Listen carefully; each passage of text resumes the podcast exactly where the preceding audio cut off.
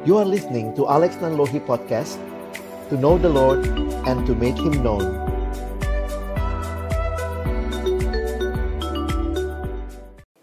Mari kita berdoa sebelum kita membaca merenungkan firman Tuhan. Bapa di dalam surga kami datang dalam ucapan syukur malam hari ini karena kami sungguh menyadari bahwa Engkau baik dan Engkau juga menyatakan kebaikan-Mu di dalam kehidupan kami. Di sesi yang kedua GCLC bulan ini kami kembali bersyukur untuk setiap kami yang boleh kembali Tuhan kumpulkan. Kami sungguh berdoa biarlah kesempatan belajar ini menjadi kesempatan Tuhan menyegarkan kami kembali untuk mengerti apa yang menjadi kebenaran di dalam berita Injilmu ya Tuhan dan akhirnya boleh mengaplikasikannya di dalam kehidupan kami. Waktu ke depan kami persembahkan ke dalam tangan pengasihanmu Tuhan yang memberkati setiap kami baik yang menyampaikan, yang mendengar, dan juga tanya jawab di antara kami, boleh makin menolong kami menghidupkan firman-Mu, kebenaran Injil-Mu di dalam keseharian kami. Waktu ke depan kami persembahkan dalam nama Tuhan Yesus Kristus. Kami berdoa. Amin. Shalom teman-teman sekalian.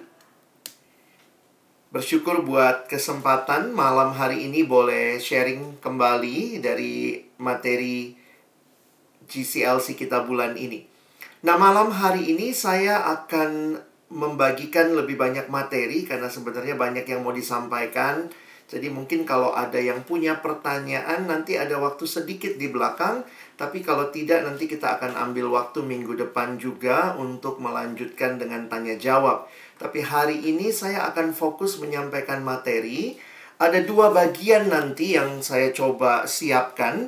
Jadi saya akan menyampaikan beberapa hal lagi berkaitan dengan Injil ya sebagai bagian yang kembali dinikmati setelah reformasi. Dan kemudian nanti saya akan minta kesediaan dari uh, adik saya Ray ada di sini nanti akan men-sharingkan ya kita akan uh, ngobrol sedikit tentang apa yang dia lihat dan dia alami. Jadi saya rindu kita bisa melihat konsep-konsep ini bukan cuma teori, tetapi bagaimana di dalam keseharian kita kita melihat Tuhan memakai Injilnya untuk membentuk kehidupan kita. Jadi kembali malam hari ini kita akan mulai dengan uh, pembahasan materi terlebih dahulu dan nanti ada sharing dari Ray lalu nanti kita akan akhiri dengan tanya jawab untuk sesi malam hari ini. Bagi teman-teman yang mungkin tidak hadir minggu lalu nanti uh, bisa kontak pengurus begitu ya untuk mungkin bisa dapat slide-nya ataupun link materinya ya. Nah, saya kembali mengingatkan apa yang terjadi dalam reformasi ketika Injil kembali bersinar dengan sangat cemerlang setelah sekian lama seperti gerhana yang menutupi begitu ya. Sehingga pemahaman yang dasar tentang sola gracia, sola fide, dan juga tentunya dasar yang teguh yaitu sola scriptura berdasarkan firman, lalu kemudian dimengerti tentang anugerah yang diterima di dalam iman dan di dalamnya Kristus yang dimuliakan. Ayat yang minggu lalu sama-sama kita bahas adalah ayat ini. Eh, Roma pasal yang ketiga. Dikatakan jika demikian apakah dasarnya untuk bermegah? Ya tidak ada. Berdasarkan apa? Berdasarkan perbuatan? Tidak. Melainkan berdasarkan iman. Karena kami yakin bahwa manusia dibenarkan karena iman. Dan bukan karena ia melakukan hukum Taurat hukum Taurat diberikan, gambaran yang Paulus pakai justru membuat orang sadar dia berdosa dan tidak bisa mencapai apa yang menjadi standarnya Allah. Martin Luther dalam tulisannya mengatakan hukum Taurat membuat kita frustasi sebenarnya ya karena kita sadar kita berdosa dan sadar betul bahwa tidak sanggup kita me, uh, menyelesaikan dosa kita sendiri.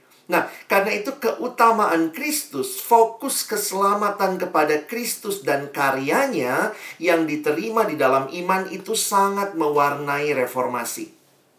Nah, minggu lalu saya juga sedikit menyinggung tentang matematika teologis. Kita sudah belajar tentang uh, tata bahasa Injil ya, selalu dimulai dengan indikatif, pernyataan dan diikuti dengan imperatif. Nah, ini menjadi bahasa yang baru. Kadang-kadang nggak gampang, teman-teman ya. Sama seperti kita belajar bahasa baru, kita harus belajar untuk semakin fasih menggunakannya. Nah, karena itu saya pikir uh, ketika kita memahami uh, tata bahasa Injil, nah kita mesti belajar juga menggunakannya sampai kita menjadi fluent ya, sampai kita menjadi uh, lancar sehingga saya kaget juga waktu dulu uh, pertama kali mengerti ini lalu kemudian di, diikuti dengan beberapa buku-buku sampai akhirnya ada buku yang judulnya Gospel Fluency. Jadi menolong kita menghayati bagaimana tata bahasa Injil itu kita berlakukan di dalam kehidupan kita. Nah, kalau itu bicara bahasa, nah ini bicara matematika teologis dalam buku True Devotion in Search of Authentic Spirituality, nah penulis Alan Chappell mengatakan bahwa kerohanian yang sejati adalah kerohanian yang berpusatkan pada Yesus Kristus, bukan pada diri manusia bukan pada apa yang kita lakukan, tetapi pada Kristus yang apa dan apa yang Dia lakukan. Nah, salah satu cara untuk menguji apa yang menjadi pusat kerohanian kita, apakah betul-betul Yesus atau tidak, coba ingat dua hukum matematika ini. Hukum yang pertama, setiap kali Anda menambah, Anda sebetulnya mengurangi. Dan setiap kali apa yang Anda tambahkan itu, kalau nomor satu Anda nambah, sebenarnya mengurangi dan apa yang kamu tambah itu itu sebenarnya yang Anda sembah. Nah, menarik ya konsep yang dia perkenalkan tentang penyembahan di situ. Nah, kita lihat elaborasi pemahaman dari hukum yang pertama. Setiap kali Anda menambah, Anda sebetulnya mengurangi. Apa maksudnya? Apa pun yang kita tambahkan pada pribadi maupun karya Kristus, yang sebenarnya hanya Kristus, solus Kristus gitu ya. Sebetulnya mengurangi kebenaran tentang dirinya.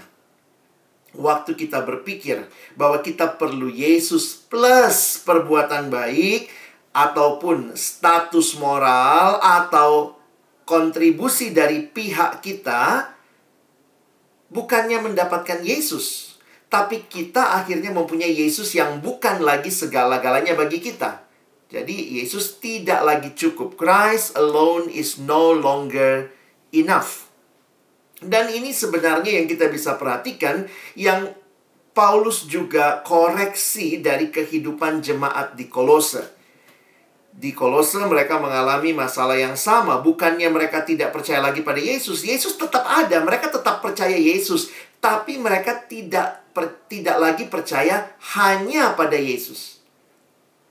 Mereka mulai terbuai oleh beragam pengajaran dan aturan yang akhirnya menjadi lebih memikat daripada kemuliaan dan keindahan Kristus. Jadi, uh, karena kalau teman-teman melihat, kenapa Paulus memulai kolose dengan menyatakan keutamaan Kristus? Karena ternyata Kristus dianggap tidak cukup mereka tambah Kristus plus sunat, Kristus plus tradisi, Kristus plus penyembahan malaikat. Jadi sekali lagi bukannya tidak ada Yesus, tetapi Yesusnya dianggap tidak cukup hanya Yesus. Nah, lalu kemudian hukum yang kedua, ya. Apa yang Anda tambahkan itu yang sebetulnya Anda sembah. Maksudnya apa? Kita bisa mengikrarkan pengakuan iman, janji keanggotaan, ya, lagu pujian kita nyanyi kalau hari Minggu, kalau kita ibadah, atau bahkan kita bisa menghotbahkan Yesus itu cukup. Tetapi kenyataannya adalah apa pun yang kita tambahkan selain Yesus Kristus, itulah yang sebetulnya menjadi Tuhan dan Juru Selamat kita. Sekali lagi, kalau kita perhatikan, contoh dalam Alkitab jelas itu terjadi di dalam jemaat Galatia. Inilah yang menjadi masalah di gereja-gereja di Galatia. Ada orang-orang Kristen Yahudi yang mengajarkan bahwa mereka perlu disunat barulah selamat. Jadi ada Yesus? Ada. Tapi Yesus tidak cukup. Harus tambah sunat. Maka yang dia tambahkan itu sebenarnya itulah yang disembah. Memang selalu ya, seperti kalimat kalau teman-teman sudah baca artikel yang saya berikan, bahwa Martin Luther mengatakan default settingnya manusia itu kita mau jadi juru selamat buat diri kita. Kita selalu mau jadi Tuhan kita selalu merasa kalau keselamatan itu anugerah, saya mesti tambahkan sesuatu. Sesuatu dari bagian saya. Karena dengan menambahkan sesuatu dari bagian saya, saya akan merasa diri saya berkontribusi dan ikut dapat kemuliaan. Nah, sebenarnya ini yang yang jadi masalah ya. Sejak di Taman Eden, manusia selalu merasa dia butuh melakukan sesuatu untuk menyelamatkan dirinya sendiri. Nah, Perhatikan dalam konteks Galatia bahwa pengajar-pengajar ini tidak menyangkal bahwa Yesus adalah Tuhan dan Juru Selamat. Setidaknya secara verbal mereka tidak menyangkal. Tetapi perhatikan, hukum kedua ini mengatakan bahwa akhirnya yang mereka ajarkan adalah sunatlah Tuhan dan Juru Selamat kita yang sesungguhnya. Karena kalau cuma Yesus harusnya cukup begitu ya. Ini Yesus plus sunat.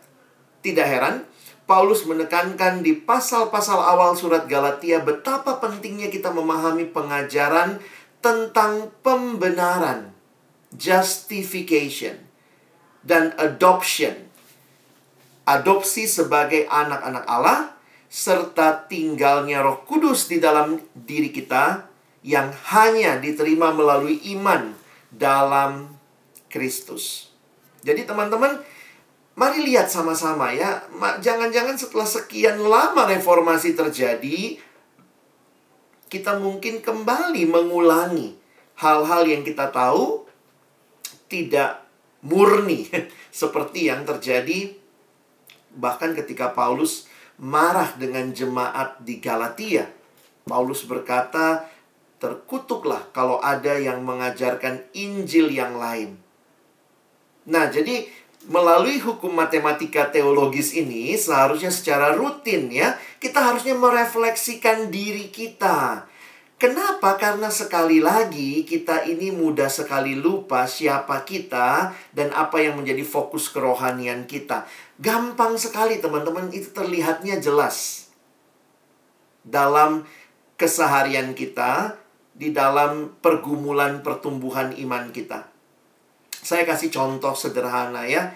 Biasanya kalau habis bikin dosa, apa yang kita lakukan? E, minta ampun, bertobat. Iya sih, sisi satu sisi itu yang dilakukan. Tapi kita punya kecenderungan, sadar atau tidak. Ya, itu seperti tertanam di dalam diri kita bahwa kita ingin melakukan sesuatu yang bikin Tuhan lebih sayang sama kita. Jadi habis bikin dosa mungkin malamnya, besok paginya saat teduh lebih lama, Eh, melakukan sesuatu yang seolah-olah itu akan menolong kita mengatasi perasaan bersalah kita, tapi sebenarnya pusatnya bukan Kristus, tapi diri kita dan usaha kita. Jadi, kalau teman-teman perhatikan, nggak mudah memang sebenarnya kita fokus hanya kepada Tuhan. Kita ini orang-orang yang sering kali mencari Tuhan-Tuhan lain karena Tuhan kita dianggap tidak cukup. Kurang cukup dan Tuhan-Tuhan yang lain itu refleksinya selalu bagian yang kita kontribusi. Sehingga seolah-olah kita menjadi nyaman tenang karena saya sudah kasih persembahan loh ke gereja. Memang sih Tuhan, saya berdosa, tapi kan saya sudah kasih persembahan. Benar sih Tuhan, saya berdosa, tapi kan saya sudah sudah uh, ber, berbuat baik. Kemarin saya nolong orang. Jadi seolah-olah kita bicaranya kita ini diselamatkan karena anugerah, tapi praktek hidup kita, praktek hidup yang masih balance sheet. Timbang-timbang, ya dan itu, ya kita mesti sadar ya, itu sangat default setting kita, kata Martin Luther. Karena itu kita perlu terus menghotbahkan Injil kepada diri kita. That Christ is enough for me. Teman-teman nanti coba kita dengar contoh ya, tapi itu akan menolong kita juga melihat karena saya secara pribadi juga dalam pengalaman pergumulan dengan memahami Injil ini nah bertemu dengan ada Tuhan lain yang sedang disembah. Jadi it lead us to this topic ya. Allah atau berhala. Nah, sebenarnya bagaimana memahami ini? Saya coba tolong teman-teman untuk melihat ya. Bahwa ketika Allah pertama kali menciptakan manusia, maka Allah menciptakan manusia sebagai makhluk yang menggambarkan Allah ya. Karena dikatakan manusia itu adalah gambar dan rupa Allah. Nah, tapi fokus yang saya mau ajak kita pikirkan ada pertanyaan teologis yang ditanyakan tentang penciptaan manusia sebagai gambar Allah. Ketika awal Allah menciptakan manusia, Allah menciptakan manusia itu untuk siapa? Nah, Allah menciptakan manusia untuk siapa? Nah, di dalam memahami jawaban pertanyaan ini, saya pikir Tuhan pertama dan terutama karena Dia yang menciptakan kita saya setuju dengan para teolog yang mengatakan bahwa Allah menciptakan manusia bagi dirinya. Tentu kita tahu Allah juga menciptakan kita berelasi dengan manusia lain, tetapi awal mulanya gambaran yang diberikan saya pikir saya setuju dengan pendapat ini. Allah menciptakan manusia bagi dirinya. Karena itu manusia itu adalah makhluk yang selalu akan mencari Allah. Atau secara bahasa sederhana ini, manusia adalah makhluk yang menyembah. Kenapa? Karena kita diciptakan oleh Allah. Allah menciptakan kita untuk dirinya. Jadi sebenarnya tertanam di dalam dasar eksistensi kita, kita adalah makhluk yang menyembah, manusia adalah homo adoramus. To worship is human. Apa konsekuensi pemahaman ini? Bahwa ternyata pilihan kita dalam hidup adalah selalu menyembah. Jadi teman-teman jangan berpikir manusia itu pilihannya adalah menyembah atau tidak menyembah. Bukan demikian. Manusia pasti selalu menyembah karena itulah natur kita diciptakan. Karena itu pilihan kita bukan menyembah tidak menyembah tetapi pasti menyembah. Kalau begitu, maka ya ini bukan yang ini ya, bukan menyembah tidak menyembah, tetapi pilihan kita ini kita sedang menyembah Allah yang benar, kan kita selalu menyembah. Kita sedang menyembah Allah yang benar atau kita sedang menyembah Allah yang salah. Saya harap sampai sini kita clear ya. Kita akan selalu menyembah. Sehingga pergumulan utama kita sebagai manusia yang diciptakan untuk menyembah, ketika sudah jatuh ke dalam dosa manusia mengingkari Allah, menolak Allah, manusia bukannya menyembah Allah yang benar, tetapi justru menyembah Allah yang salah. Dan di dalam pemahaman kita, siapa pun atau apa pun yang menggantikan posisi Allah sebagai yang terutama dalam hidup kita, itu bahasa Alkitabnya berhala. Makanya kalau kita perhatikan, tulisan-tulisan reformasi juga banyak bicara berhala. Beberapa tulisan yang bisa kita gali misalnya dari Martin Luther, Martin Luther tidak hanya bahas dosa tetapi dia melihat lebih dalam dari dosa yaitu berhala sehingga dia menuliskan dengan istilah berhala itu adalah sin beneath the sin. Jadi ini di permukaan ada dosa. Nah, berhala itu apa akarnya dosa itu?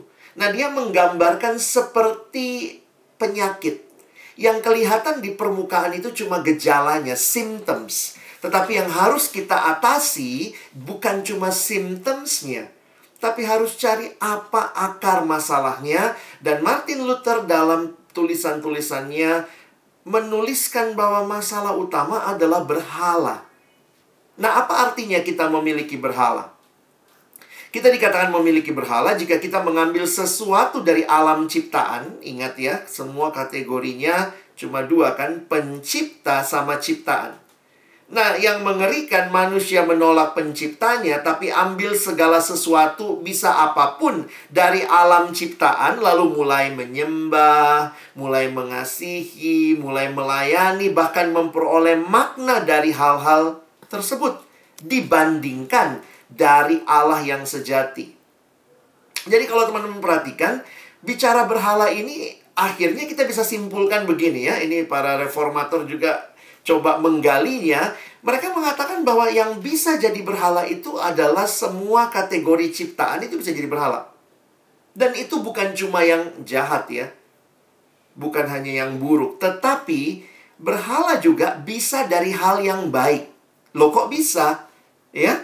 Bisa dari hal yang baik ya. Nah, ini kalimat yang disampaikan. Berhala itu berarti mengubah sesuatu yang baik dijadikan yang terutama. Jadi sebenarnya yang baik itu biarlah tetap di tempatnya sebagai yang yang baik, jangan dijadikan terutama. Sehingga teman-teman bisa tempatkan apa saja di situ. Semua yang baik. E, orang tua baik nggak? Baik. Tapi begitu dijadikan utama, orang tua bisa jadi berhala. Pacar baik nggak? Oh baik, pacar. Tapi ketika dijadikan terutama, itu jadi berhala. Uang baik nggak? Oh baik. Biarlah tetap di tempat yang baik, jangan jadikan yang terutama. Maksudnya dijadikan terutama karena dijadikan segala-galanya. Maka kita sedang menyembah yang bukan Allah. Tidak heran kalau kita perhatikan, Tuhan tuh kan tahu banget ya. Tuhan itu tahu banget manusia ini kita kayak apa. Lihat perintah pertama. Nah ini juga uh, apa ya? Penggalian dari tulisan-tulisan para reformator, dia melihat ya, ini salah satunya khususnya Martin Luther. Martin Luther melihat bahwa perintah pertama Tuhan langsung bilang jangan ada padamu Allah lain di hadapanku. Kira-kira bisa nggak kita bayangkan kenapa ini perintah pertama? Kenapa perintahnya jangan ada padamu Allah lain? Karena Tuhan tahu kita itu makhluk yang akan selalu menyembah, selalu akan cari sesuatu yang disembah, selalu cari Tuhan. Sayangnya sejak manusia jatuh dalam dosa, Tuhan yang dicari bukanlah Tuhan yang sejati. Makanya Martin Luther menuliskan begini ya, pertanyaan ini, mengapa 10 perintah Allah dimulai dengan larangan menyembah berhala? Ini argumentasi Luther. Luther berargumen bahwa itu karena kita tidak pernah melanggar perintah-perintah lain tanpa melanggar yang pertama. Jadi Luther sebenarnya menarik uh, asumsinya. Kita nggak mungkin melanggar hanya satu hukum. Dari sepuluh hukum Taurat ya. Dia katakan hampir pasti kamu pasti melanggar minimal dua. Ya. Poinnya apa? Yang kamu langgar sebenarnya yang pertama dan terutama adalah hukum yang pertama itu. Sebagaimana tadi kita bilang ya, 10 perintah Allah dimulai dengan arahan agung tentang penyembahan berhala. Menarik ya hukumnya ini ya.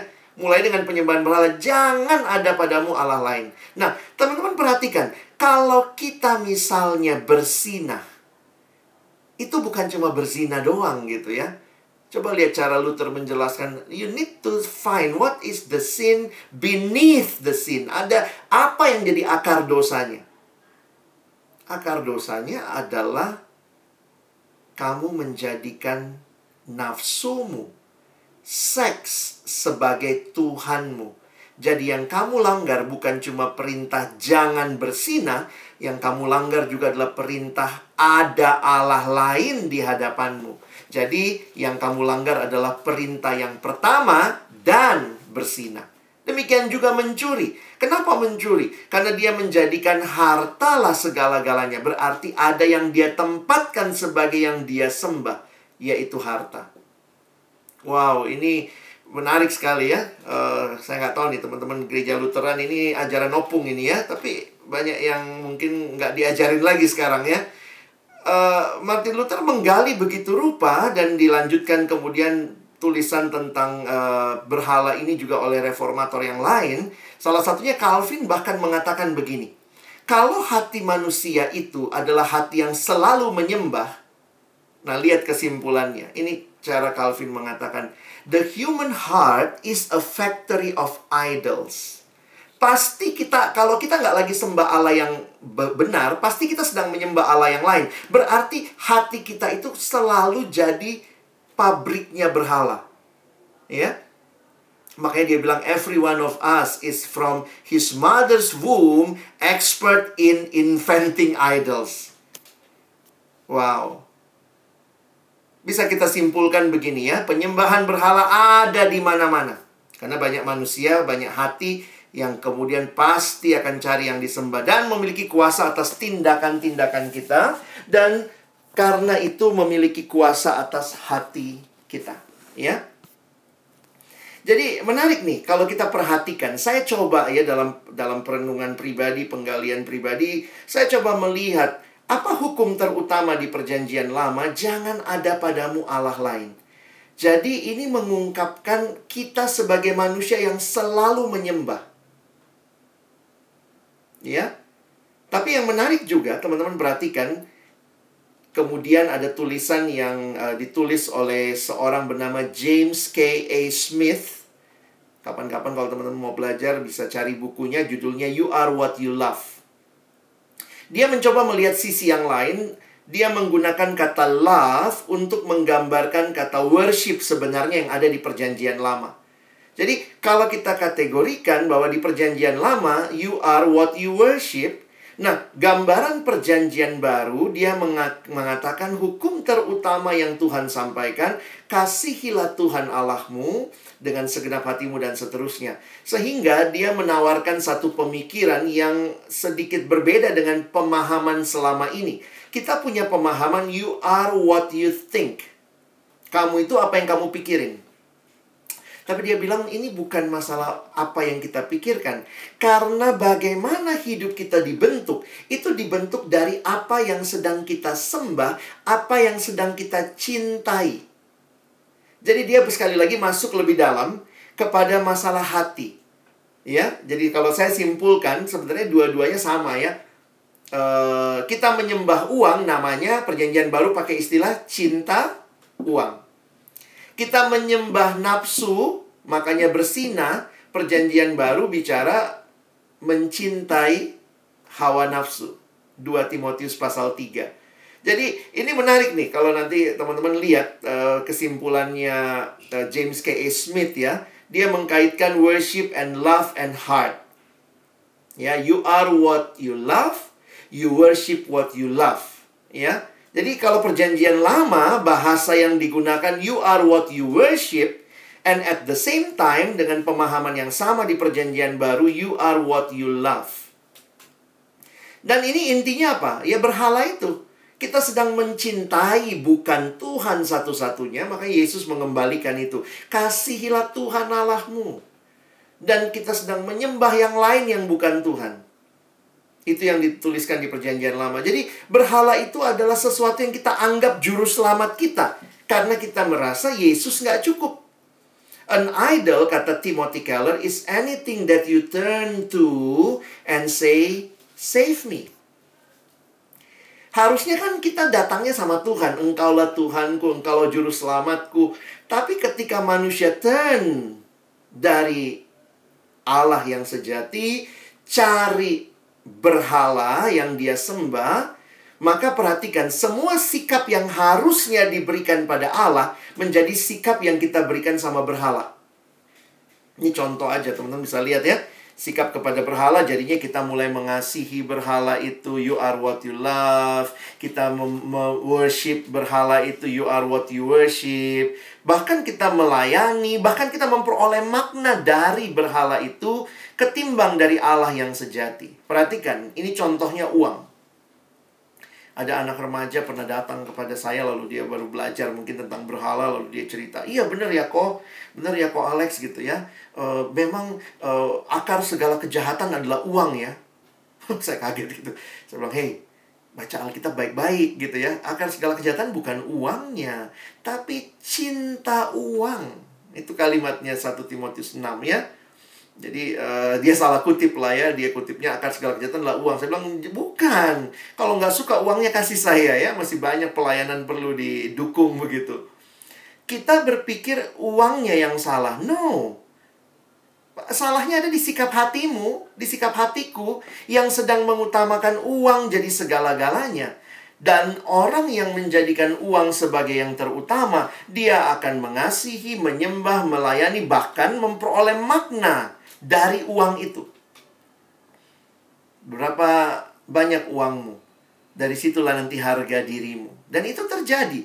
Realita bahwa kita didefinisikan oleh apa yang sedang kita sembah. If God is the one and only that you and I worship, then we will divine by who He is. Kalau kita menjadikan Tuhan segala-galanya, maka kita akan didefinisikan dari siapa Dia. Tapi kalau kita menjadikan uang segala-galanya, maka kita pun akan memperoleh makna harga diri kita tergantung berapa banyak uang yang kita miliki. Dan perhatikan apa yang pengkhotbah katakan, siapa mencintai uang tidak akan puas dengan uang. Dan siapa mencintai kekayaan tidak akan puas dengan penghasilannya. Ini pun sia-sia. Perhatikan sekali lagi, bukan dikatakan tentang hal ini bukan uangnya, tapi yang mencintai uangnya yang tidak akan puas. Kadang-kadang kita menyalahkan uang, ya, kita menyalahkan dunia, kita menyalahkan segala sesuatu di luar diri kita. Tapi Alkitab mau mengatakan the real problem is not from outside yourself, but inside you. Lihat hatimu, apa yang sedang kamu sembah, apa yang kamu sedang jadikan Tuhan. Karena itu kenali betul kalau betul kalimatnya uh, opung siapa tadi? Ya Calvin ya. Kita ini kan factory of idols. Saya sejak mengerti uh, pemahaman itu jadi terus coba terus coba uh, evaluasi diri ya. Terutama evaluasi hati ya. Kenali berhala hati kita. Kenapa? Poinnya adalah semua hal yang kategorinya ciptaan itu berpotensi jadi berhala kan? Factory of idols yang kalau kita tidak sadari, kita mudah sekali terperangkap. Kalau ini slide saya buat mahasiswa atau siswa ya. Kadang-kadang uh, online jadi segala-galanya gitu ya. Kemudian ada juga yang menjadikan uang, ada juga yang menjadikan keluarga, relasi cinta segala-galanya. Tentu kalau yang pornografi udah jelas itu hal yang buruk ya.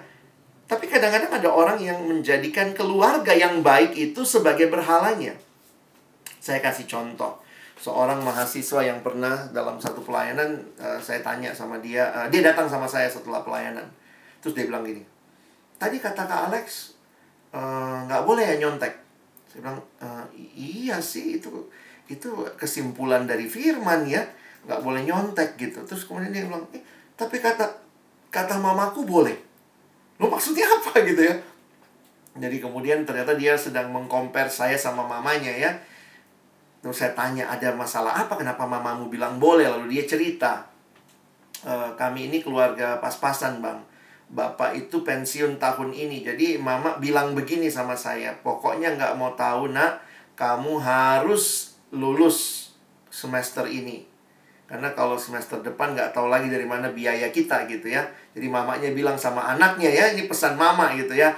Pokoknya kau lakukan yang terbaik apa pun lakukan yang penting lulus. Nyontek pun nggak masalah, yang penting lulus. Wah gitu ya. Lalu kemudian waktu dia dengar saya khotbah, dia bilang, jadi yang mana yang benar bang? Mama itu kan orang tua itu kan wakil Tuhan. Saya bilang di sini bukan masalah orang tua wakil Tuhan, tapi masalahnya kau sudah menjadikan orang tuamu Tuhan. Karena dia sangat takut mengecewakan orang tuanya. Sehingga apa pun yang orang tuanya katakan tidak difilter lagi banyak orang sayang sekali sama keluarga. Saya juga orang yang sangat sayang sama keluarga. Tapi saya sadar, kalau saya tidak hati-hati, saya mungkin memberhalakan keluarga. Kenapa? Karena saya merasa uh, nggak mau menyakiti, nggak pengen lihat orang tua kita nangis. Tapi kalau itu ketidakbenaran, dulu saya punya prinsip itu sampai akhirnya saya bergumul jadi hamba Tuhan dan yang menolak paling kuat adalah keluarga. Di situ saya jadi sadar, Ternyata benar ya kata Alkitab. Boleh nggak taat sama orang tua? Wah, boleh ya? Boleh ada di Alkitab. taatilah orang tuamu di dalam Tuhan. Jadi kita harus taat sama orang tua di dalam ketaatan kepada Tuhan. Kalau yang orang tua minta beda dengan yang Tuhan minta, yang mana yang harus kita taati? Kadang-kadang kita diperhadapkan dengan hal seperti itu. Harus memilih apa yang Tuhan mau, bukan yang orang tua mau. Kalau orang tua saya nggak mau saya jadi hamba Tuhan. Tapi waktu itu dalam pergumulan pribadi dengan tangisan air mata, saya katakan Tuhan tolong saya belajar menjadikan engkau segala-galanya. Sehingga awal-awal keluarga khususnya bapak saya nggak mau ngomong sama saya sampai sekitar satu tahun lebih. Tapi ya Tuhan punya cara ya. Jadi akhirnya jadi saya jadi sadar gitu ya. Benar juga firman Tuhan ya nggak boleh taat buta sama orang tua Mama bilang kawinlah kau nak siapa pun ini membahagiakan kamu. Kalau itu tidak sesuai dengan perintah Tuhan, kehendak Tuhan, pergumulan, bilang tidak. Jadi ini tipis bedanya ya. Uh, tentu kalau hal-hal yang orang tua bilang baik sesuai kehendak Tuhan oke okay lah ya. Tapi juga kadang-kadang orang tua kan juga manusia berdosa, nggak lebih baik dari dari Adam dan Hawa gitu ya. Kita mesti belajar menolak hal-hal yang tidak tepat nanti nak dulu kalau zaman dulu ya uh, angkat telepon ya tapi bilang bapak nggak ada. Itu gimana cara ngomongnya? Mau taat sama siapa? Om om bapak bilang bapak nggak ada gitu ya jadi lucu. Tapi inilah realitanya. Nah lihat teman-teman beberapa hal yang baik ini bisa kita jadikan berhala.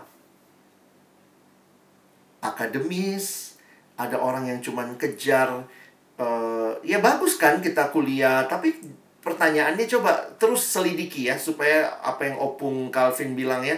Jangan-jangan kita sudah memberhalakan kuliah. Kenapa? Karena kita takut sekali masa depan kita tidak terjamin dan kita merasa yang bisa menjamin masa depan kita adalah kuliah kita. Gelar yang kita miliki. Wow, kita kehilangan Tuhan segala-galanya. Karena kita menempatkan Tuhan, Yesus kurang cukup, plus gelar. ya tapi gelar itu baik kan bang? Baik. Tapi jadikanlah hal yang baik. Nggak usah dijadikan yang utama. Sehingga tidak dapat gelar, masalah apa tidak? Nah ini jadi pergumulannya kadang-kadang tipis bedanya.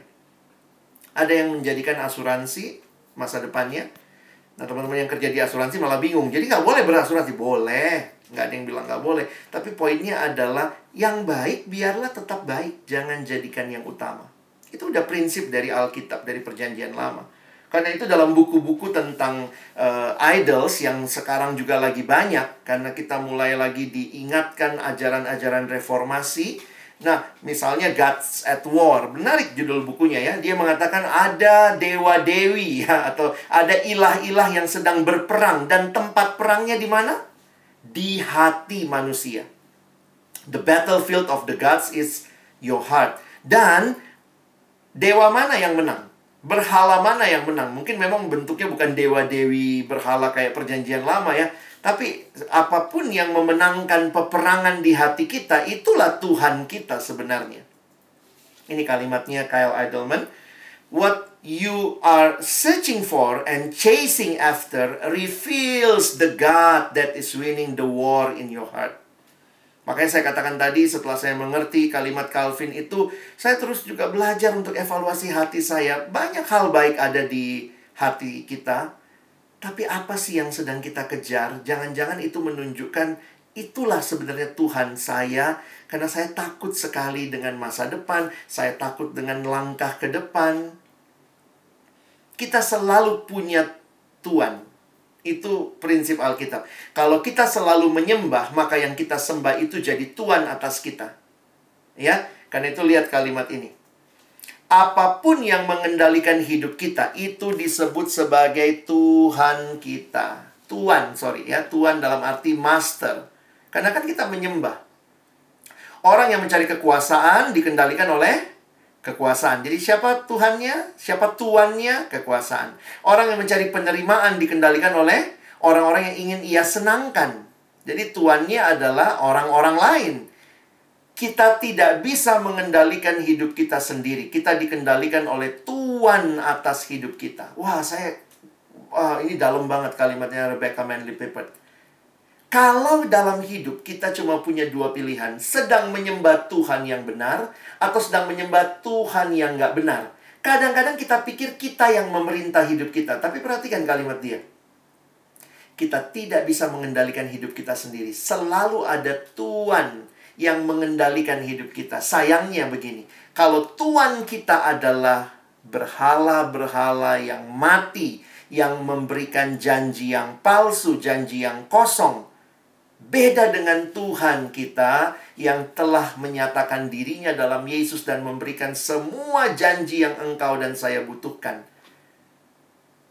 Apa yang sedang mengendalikan hidupmu? Kita nggak punya pilihan mengendalikan hidup kita sendiri. Ingat baik-baik, kita sedang dikendalikan, sadar atau tidak.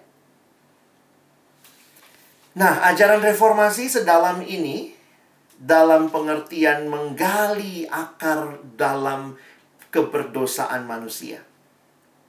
Nah, beberapa gerakan belakangan ini kembali mengangkat tentang Injil, gospel, membawanya kembali dilihat dengan baik, diajarkan dengan tepat dan inilah yang juga sebenarnya uh, kita sedang usahakan ya, beberapa buku-buku yang diterbitkan dari Perkantas sangat gospel centered untuk mengajak kita melihat Injil yang indah itu dan menghidupi keindahan Injil itu. Nah, di dalam menggali tentang berhala, sebenarnya apa pun bentuknya dalam dunia ciptaan, ada empat berhala utama yang sifatnya lebih kepada uh, hati, ya, bukan cuma tindakannya, ya. Tapi perhatikan, ada berhala-berhala yang mengendalikan hidup kita. Nah, para teolog menyimpulkan dari berbagai pengalaman melihat ya, saya pakai pendekatan yang dipakai oleh Timothy Keller. Karena ada beberapa buku yang lain, ada yang bilang lima, ada yang bilang empat. Nah, saya pakai Timothy Keller dengan kalimat ada empat berhala utama. Teman-teman bisa lihat bagan ini ya. Please, nanti saya bagi slide-nya. Tapi coba lihat kalau Anda cari kuasa, jadi ada orang-orang yang berhalanya kuasa tuh, ya. Pokoknya aku harus sukses, aku harus menang, aku harus punya pengaruh. Nah, ini orang-orang yang berhalanya adalah kuasa. Maka mimpi paling buruk Anda. Nah, ini kenapa ada mimpi buruk? Maksudnya Timothy Keller bilang gini, kadang-kadang kita itu baru tahu apa berhala kita waktu kita bayangkan what is your nightmare. Misalnya kamu dalam hidup apa? Saya saya waktu gali saya termasuk e, berhalanya tuh penerimaan ya. Jadi itu saya paling nggak suka kalau ditolak. Jadi teman-teman bisa lihat ya cara pakai bagan ini kamu tuh paling takut yang mana? Ada yang begitu ya. Memang kita bisa bungkus dengan keindahan indah banget gitu. Dulu keluarga kami susah bang.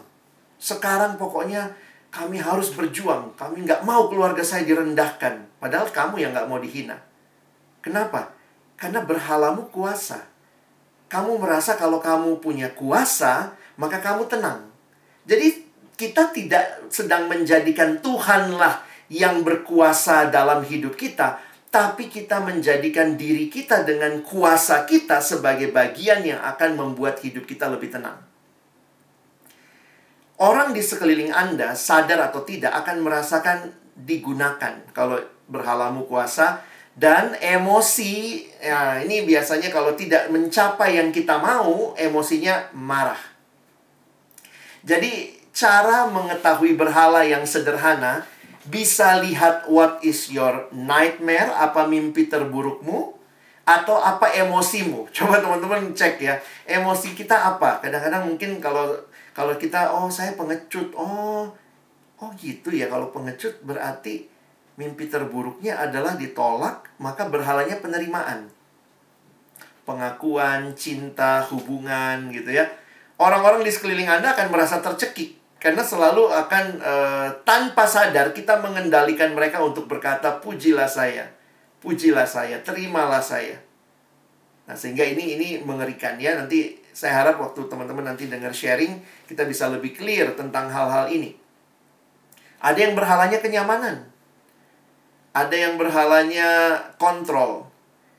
Tapi juga kita nggak bisa tutup mata, berhala ini bisa kombinasi ya. Jadi ada orang yang punya memang ada yang lebih utama tentu dari semua ini ada yang sangat utama tetapi dalam situasi kondisi tertentu pun bisa jadi berhala kita uh, ya tidak jauh dari hal inilah.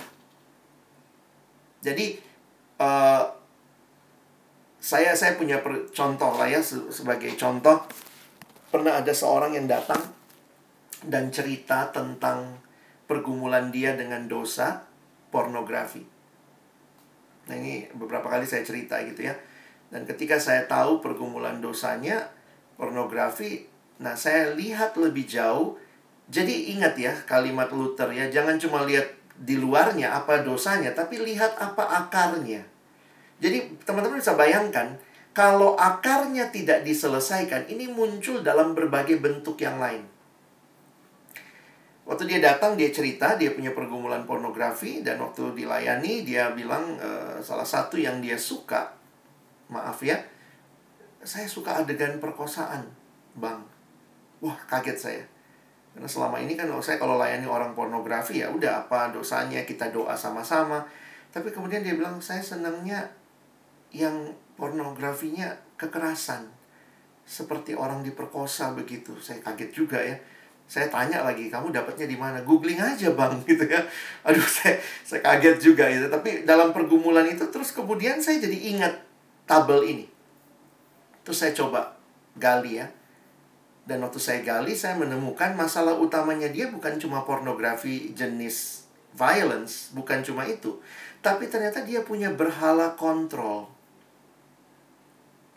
kontrol dan kuasa kenapa karena ternyata dia besar dalam lingkungan yang dia direndahkan, dia tidak dianggap.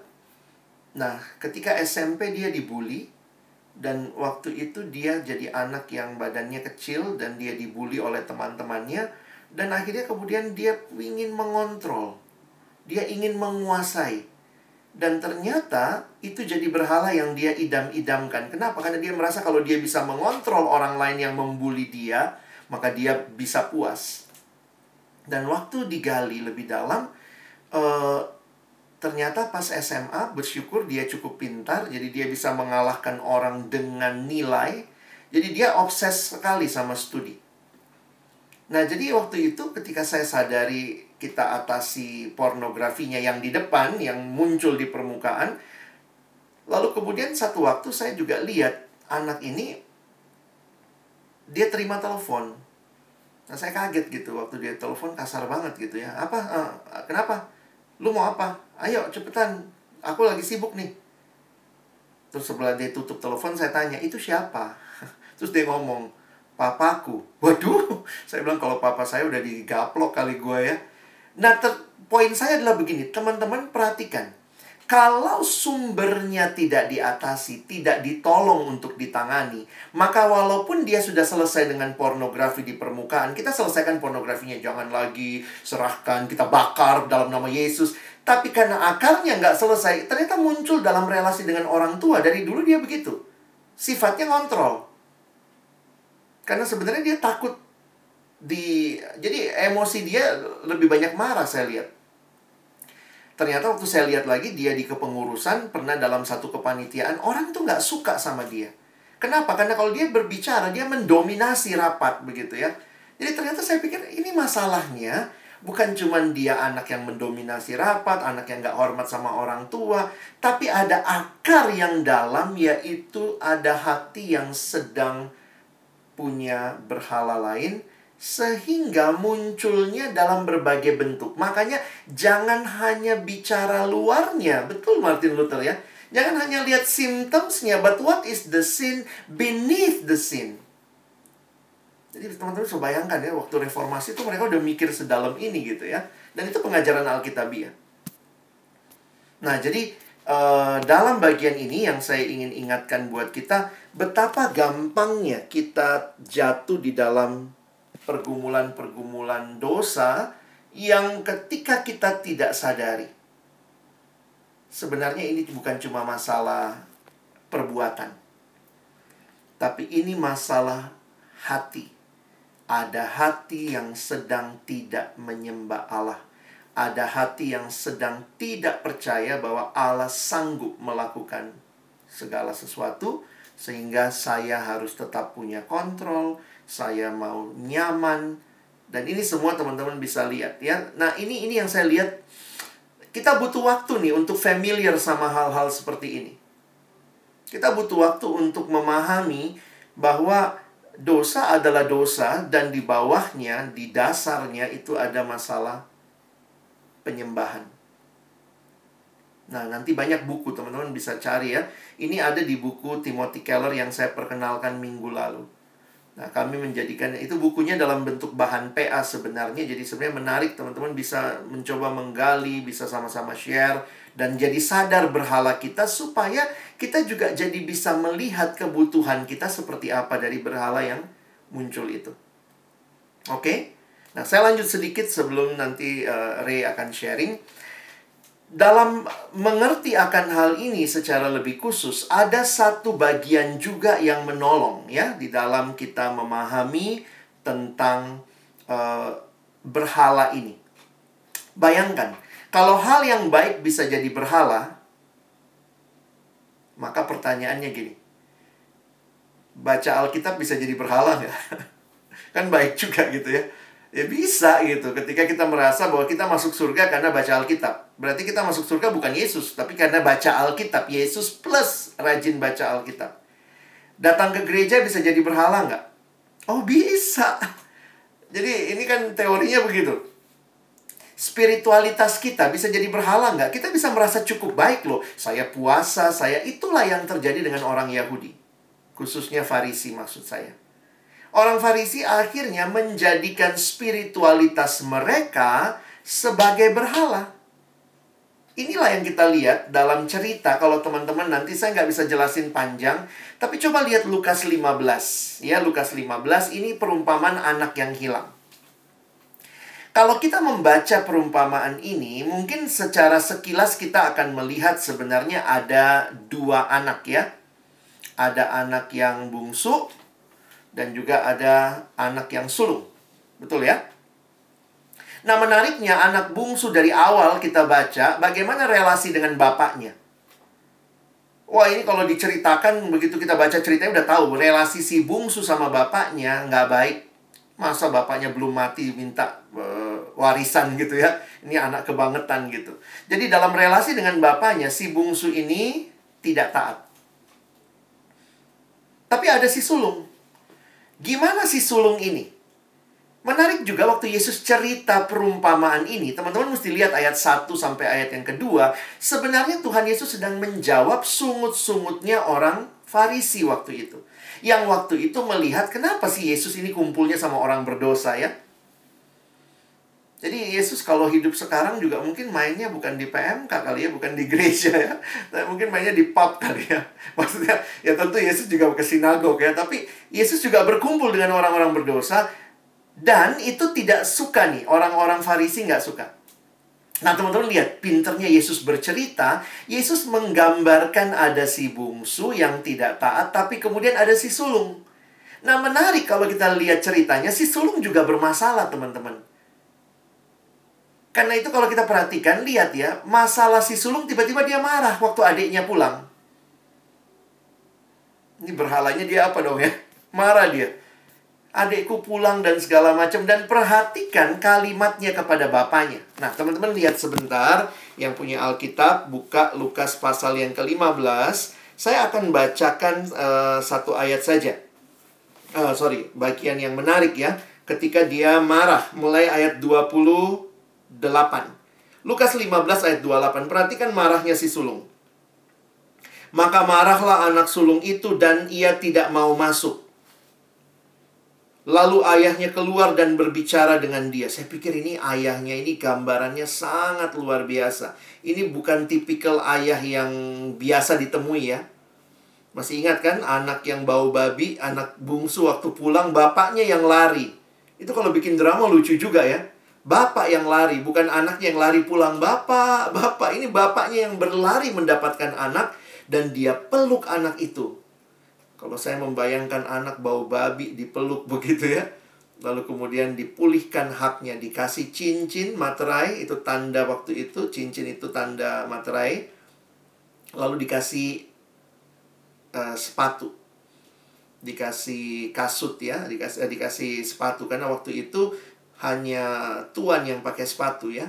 Budak itu nggak pakai sepatu. Nah tapi yang menarik, yang sulung ini nggak mau masuk. Ah, di sini luar biasa juga. Bapaknya yang keluar. Jadi ini gambaran bapak yang luar biasa ya kalau saya punya anak sulung nggak mau masuk, urusan dia lah. Di luar, di luar aja loh gitu ya. Ini bapaknya yang keluar dan berbicara dengan dia. Ini bapak yang sangat sportif, nggak biasa dalam budaya Yahudi. Perhatikan 29.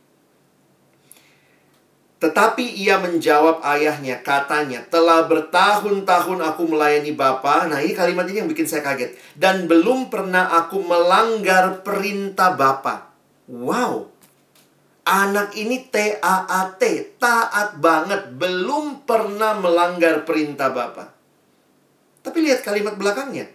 Tetapi kepadaku belum pernah Bapak memberikan seekor anak kambing untuk bersuka cita dengan sahabat-sahabatku. Tetapi baru saja datang anak Bapak yang telah memboroskan harta kekayaan Bapak dan seterusnya. Dia pun nggak bilang adikku ya, dia bilang anak anakmu gitu, anak Bapak gitu kali ya. Kurang ajar banget si sulung ini. Tapi bagi saya menarik. Dia tidak pernah melanggar perintah Bapak. Kalau si bungsu jelas-jelas tidak taat sama bapaknya. Tapi si sulung ini gimana gambarannya? Dia taat sama bapaknya. Tapi masalahnya, nah ini perhatikan. Hal baik nih taat itu hal yang baik. Bisa jadi berhala nggak? Oh bisa. Masalah berhalanya di mana? Dia taat dengan motivasi apa? Teman-teman lihat. Lucu juga ya. Dibilang dia taat untuk tetapi kepadaku belum pernah Bapak memberikan seekor anak kambing. Jadi taat untuk dapat apa? Dapat kambing. Sebenarnya menarik ya. Ini anak bungsu itu gambaran orang yang tidak beragama, yang akhirnya memang tidak taat sama Tuhan. Tapi gambaran si sulung bagi saya, ini gambaran orang yang beragama. Pas banget waktu Yesus jelasin perumpamaan ini, ada farisi di situ yang sangat-sangat berjuang taat. Masalah mereka bukan masalah ketaatannya. Tapi perhatikan, mereka taat untuk dapat demi sesuatu. Jadi ketika ketaatan demi sesuatu ada masalah motivasi di situ, jadi dia bukan taat kepada bapaknya untuk bapaknya. Dia taat kepada bapaknya untuk dirinya. Jadi bukan ini yang Tuhan mau. Kalau teman-teman lihat cerita ini seolah-olah di pending akhirnya tuh sampai di situ. Nggak ada lagi penjelasan. Taat demi apa? Taat demi sesuatu. Ada orang merasa dengan dia taat, dia bisa masuk surga. Jadi sebenarnya ketika kita taat supaya masuk surga, apa yang jadi Tuhan kita? Bukan Tuhan yang kita taati. Karena Tuhan yang kita taati hanya jadi cara kita mencapai apa yang kita mau. Teman-teman pahami ini betul. Dan cara Yesus mengajar menunjukkan bukan irreligious yang harusnya kita hidupi. Bukan juga religious Nah, makanya ada jalan ketiga, jalan gospel, taat kepada Allah. Demi apa? Demi mendapatkan Allah. Banyak orang yang rajin ke gereja supaya apa? Supaya diberkati. Jujur, kalau kita lihat, kita nggak jauh dari anak sulung. Waktu saya ajarkan ini, jangan ke gereja supaya diberkati. Ada yang datang sama saya, jangan gitu kak, nanti nggak ada yang ke gereja. Saya bilang karena poinnya adalah kita bukan datang ke gereja supaya diberkati kita itu sudah diberkati oleh Tuhan. Kita ke gereja sebagai respon syukur kita karena kita sudah diberkati Tuhan. Hati-hati kalau kita rajin ke gereja supaya dapat sesuatu. Jadi sebenarnya Tuhan hanya alat mendapatkan apa yang kita mau. Bukan demikian kekristenan. You miss the point of Christianity kalau ini jadi bagian kekristenan kita. Kalau ada KPK sorgawi, ketangkap kita semua para penjilat karena kita tidak sedang men menaati Allah demi Allah. Charles Spurgeon kasih ilustrasi. Nanti teman-teman bisa googling ya. Ilustrasinya tentang the king, the carrot, and the horse. Dia cerita tentang seorang petani yang hidup di sebuah kerajaan. dengan raja yang memerintah. Satu waktu petani ini panen. Dia punya wortel ya, dia petani carrot. Waktu dia panen carrot, dia punya carrot yang terbesar dan terbaik, dia datang. Lalu dia bawa kepada si uh, ini ya ya, kepada tuannya, kepada raja, dia datang sama raja, dia bilang, "Ya raja, Inilah wortel saya yang terbesar dan terbaik. Terimalah ya Raja, karena engkau sudah baik memerintah kami. Inilah wortelku saya persembahkan kepada Raja. Wah, Raja dapat wortel juga senang ya. Terima kasih, saya terima wortelnya dengan baik. Setelah memberikan wortel ini, kemudian dia berbalik, dia mau pulang. Nah, waktu dia pas balik itu, tiba-tiba uh, si Raja tuh tersentuh hatinya. Lalu raja panggil, eh, eh bentar, bentar, bentar. Aku tuh sangat terkesan, kata raja sama orang ini, dengan ketulusan hatimu. Kau datang bawa wortel terbaikmu untukku. Wah, saya kasih ya sama kamu sepertiga kebun istana di belakang luas. Wah, raja bener raja. Iya, saya kasih ya buat kamu. Nikmatilah, kamu tanamlah kamu sudah begitu tulus. Wah, senang banget dia. Terima kasih Raja, terima kasih. Dia keluar dengan berseri-seri, dia dapat sepertiga kebun istana. Wah, luar biasa. Pas dia keluar, dia ketemu temennya. Lalu temennya bilang, kenapa kau gembira banget? Iya tadi habis ketemu raja. Terus kenapa gembira? Iya tadi aku datang ketemu raja, aku kasih wortel. Wortel hasil panenku luar biasa yang terbesar terbaik aku kasih sama raja. Terus ya raja kasih sama aku sepertiga kebun istana. Wow, oh itu tuh pantas kamu senang banget. Nah, orang ini pulang dan dia temennya ini bukan petani ya, dia seorang peternak. Dia pulang, wah, dia punya ternak. Akhirnya dia pikir, oh apa nih yang dia bisa persembahkan sama raja. Dia carilah kudanya. Kuda yang terbesar, kuda yang terbaik yang dia miliki. Dan kemudian besok harinya dia datang sama raja. Terus dia bilang sama raja, "Ya raja, saya datang, saya mempersembahkan inilah kuda saya yang terbesar, yang terbaik. Saya persembahkan kepada raja. Terimalah ya raja." Oh, raja dikasih kuda juga senang, teman-teman ya. Raja bilang, "Baik, terima kasih, saya terima kudamu." Setelah itu, orang yang ngasih kuda ini, si peternak nunggu. Dia lihat sama raja. Terus raja bilang, "Kenapa?" uh, mau kasih kuda kan? Udah, saya udah terima kudanya. Makasih ya. Ya, silakan. Terus dia nunggu lagi gitu ya. Oh, barulah raja sadar. Oh, kamu ternyata seperti berharap seperti temanmu kemarin. Dan kemudian di situlah si raja sadar ketidaktulusan hati si peternak. Akhirnya si raja ngomong sama peternak itu, Kemarin temanmu datang mempersembahkan wortel itu untuk saya. Tapi hari ini kau datang mempersembahkan kuda ini bukan untuk saya. Kau sedang persembahkan kuda ini untuk dirimu. The gardener yesterday gave me the carrot, but you gave yourself the horse. Teman-teman ini punchline-nya ya. Banyak orang seperti anak sulung. Masalahnya bukan tidak taat. Apalagi yang Kristen-Kristen kayak kita ini, masalah kita ketaatan ya. Sudah taat, udah doa, saat teduh gitu ya. Tapi jangan-jangan kita melakukan itu semua bukan karena kita cinta sama Tuhan. Karena kita mau sesuatu dari Tuhan. Kita taat bukan untuk mendapatkan Tuhan, tapi untuk mendapatkan sesuatu. Don't obey God to get things. Obey God to get God. Love the giver more than the gift. Jadi teman-teman, ini cara kita melihat ya, nggak gampang loh menghidupi ini ya. Jadi uh, saya mungkin masuk beberapa slide dulu sebelum saya minta Ray sharing ya. Jadi lihat cara berelasi dengan Allah kita yang mana nih? Kita harusnya yang seperti Injil nih, bukan religious, bukan juga irreligious, bukan kayak Farisi, bukan kayak orang yang tidak taat. Nah, bagaimana kehidupan kita? Harusnya Injil itu mewarnai kehidupan kita. Harusnya kita tuh bisa belajar untuk taat, hidup dengan Injil itu. Karena itu teman-teman perhatikan Injil itu bukan cuma saya langsung ke sini ya. Kadang-kadang kita berpikir Injil itu hanya buat orang yang belum percaya. Oh dia mesti diinjili supaya jadi Kristen. Bukan.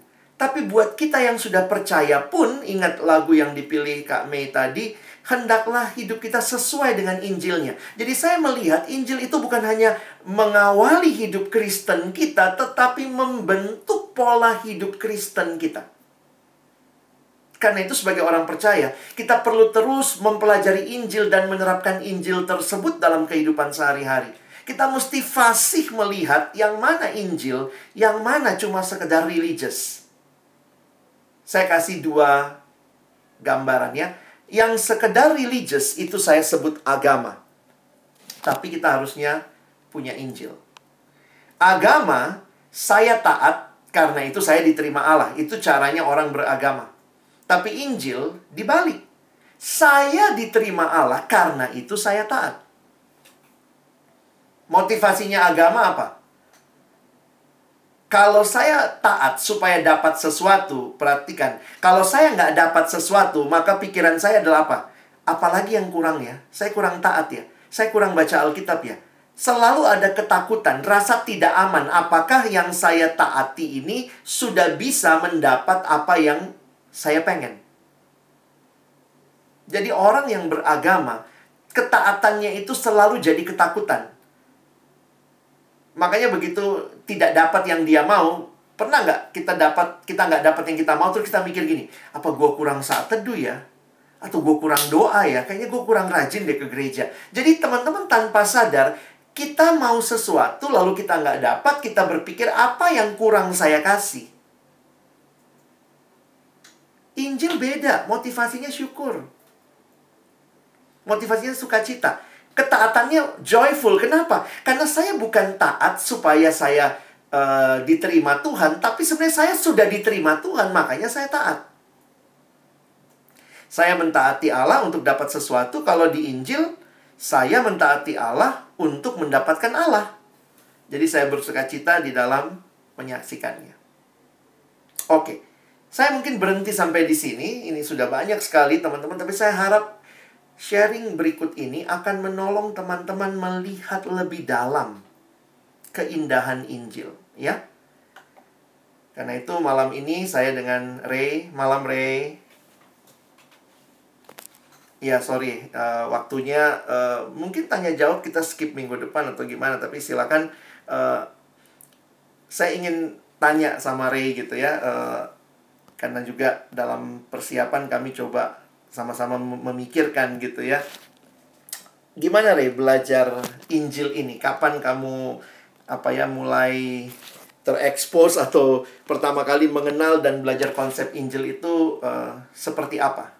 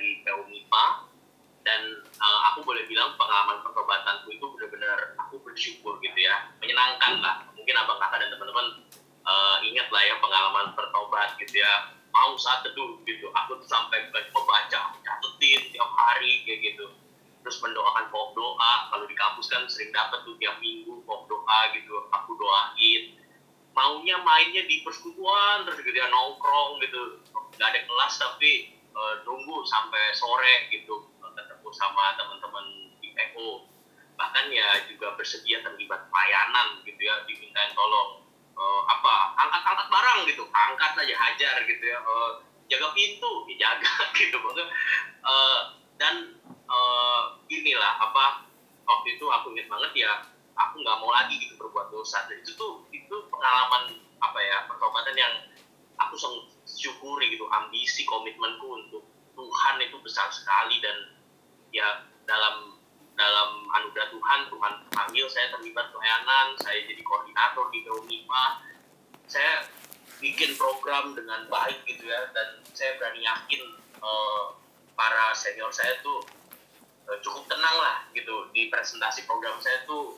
Uh, angkatan saya saya yang jawab gitu ya uh, sesuai sama esensi kayak gitu. Tapi seiring makin baik, makin kuliah gitu ya dan semakin dalam di dalam pelayanan dan persekutuan uh, saya sadar gitu saya mulai berubah. Uh, saya tahu pelayanan sulit gitu dan bahkan udah ada pembinaannya gitu ya. Bayar harga komitmen. Tapi saya mulai sulit bersuka cita kayak gitu. Uh, saya sendiri sadar gitu ada yang berubah saat teduhku doaku itu cuma karena pelayanan. Aku sadar itu. Uh, ketika datang PJ saya nggak nikmatin seperti saya mahasiswa baru gitu. Saya datang hanya untuk memperhatikan jumlah jemaat. Saya perhatikan waktu mulainya tepat nggak waktu selesainya tepat nggak. Karena itu bagian dari pelayanan gitu ya. Saya perhatikan MC-nya rapi atau enggak kayak gitu. Waktu awal tadinya seneng datang doa pagi kelas jam 8 doa pagi 7.10 saya berangkat jam 6 karena belum ada bis kuning di Depok jalan sampai MIPA itu saya lakukan tapi sekarang udah uh, jadi koordinator gitu. Itu datang 740 745 itu pun juga izin-izin. Belum lagi saya mudah kesal dengan pengurus yang nggak melakukan bagiannya kayak gitu. Cepet banget udah bos daripada lama gua aku aja kerjain gitu dan kemudian karena makin banyak bagian gitu mulai bohong sana, bohong sini, gitu. Bilangnya ke sini tapi katanya saya melakukan ini, bilangnya ke sana tapi sebenarnya saya sedang mengerjakan itu. Dan yang lebih parah, uh, saya kembali melakukan uh, dosa seksual kayak gitu ya. Cowok, um, saya masuk basi kayak gitu. Uh, puncaknya di evaluasi paruh waktu, saya tinggalin teman-teman saya. Kalau di kepengurusan ada evaluasi. Tengah semester saya tinggalin uh, pengurus. Saya matiin HP waktu itu masih zaman BlackBerry. Saya matiin BlackBerry BBM dan saya dicariin sama semua kepengurusan saya. Saya dicariin sama senior saya. Saya bertengkar dengan para penilik. Waktu itu saya benar-benar merasa kosong dan ya kecewa dengan diri saya sendiri kayak gitu tapi sampai di satu titik saya saya nggak bisa ngomong apa-apa lagi sama Tuhan gitu. Saya cuma bilang Tuhan tolong kayak gitu. Dan saya saya sekarang juga udah lupa apa gitu ayatnya atau pemicunya. Tapi waktu itu ada satu keyakinan Tuhan mengampuni dan waktu itu saya cuma bisa merespon Tuhan terima kasih kau mengampuni. Dan sisa waktu di kampusku aku mau memberikan waktuku gitu ya apa yang mau Tuhan lakukan untuk adik-adik melalui aku. Dan di situ aku juga memperbaharui komitmen gitu ya. Tuhan saya aja yang udah berlimpah kasih karunia udah dikasih kelompok kecil yang baik jadi begini gitu. Aku pengen beritakan gitu maksudnya bagaimana dengan yang belum pernah dengar belum pernah tahu belum pernah nikmatin uh, kelompok kecil atau apa kesempatan dibimbing seperti itu. Nah di dalam perjalanan itu kan saya juga bertanya gitu ya sebenarnya apa sih yang terjadi sama saya? Gitu. PKK saya tulus ngajarin semuanya. Ngajarin firman ngajarin galang kitab ngajarin satu ngajarin doa. Dan saya pun juga tulus berusaha menjaga semuanya.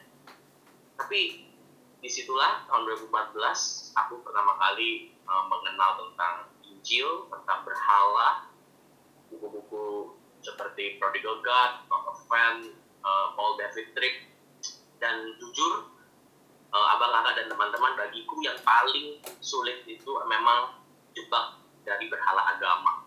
Kenapa? Agama itu membuatku merasa berkontribusi sesuatu. Agama itu membuat aku merasa cukup baik tentang diriku cukup taat cukup setia cukup bertumbuh cukup committed. Dan itu itu jadi pengalaman yang mengubahkan buat saya untuk benar-benar ekspresi kekristenan mungkin itu sekilas kali ya bang cerita awal Iya, thank you Ray buat uh, pengalamannya bahwa memang uh, Injil itu mengubah kamu yang sebenarnya sudah sudah baik gitu ya dalam tanda kutip merasa diri udah lakukan ini dan itu. Nah, boleh cerita lebih jauh bagaimana akhirnya setelah mengalami itu bagaimana pemahaman ini mengubah dirimu dan juga pelayanan yang kamu lakukan. Oke, Bang. Uh, abang, kakak, dan teman-teman, aku mungkin aku minta sedikit waktu untuk sharing pengalaman saya pribadi. Aku mungkin tuliskan di PPT jadi supaya abang kakak dan teman-teman bisa lihat lebih jelas. Uh, mungkin aku hanya bahas dua hal yang ini pengalaman pribadiku. Yang pertama itu berbicara tentang pornografi dan mungkin aku pakai istilah yang Bang Alex bilang gitu ya, irregular, uh, irreligious, religious dan bagaimana Injil boleh menolongku secara pribadi. Jelas sebelum aku bertobat buatku sexual sin atau pornografi itu uh, biasa aja gitu ya santai. It's okay.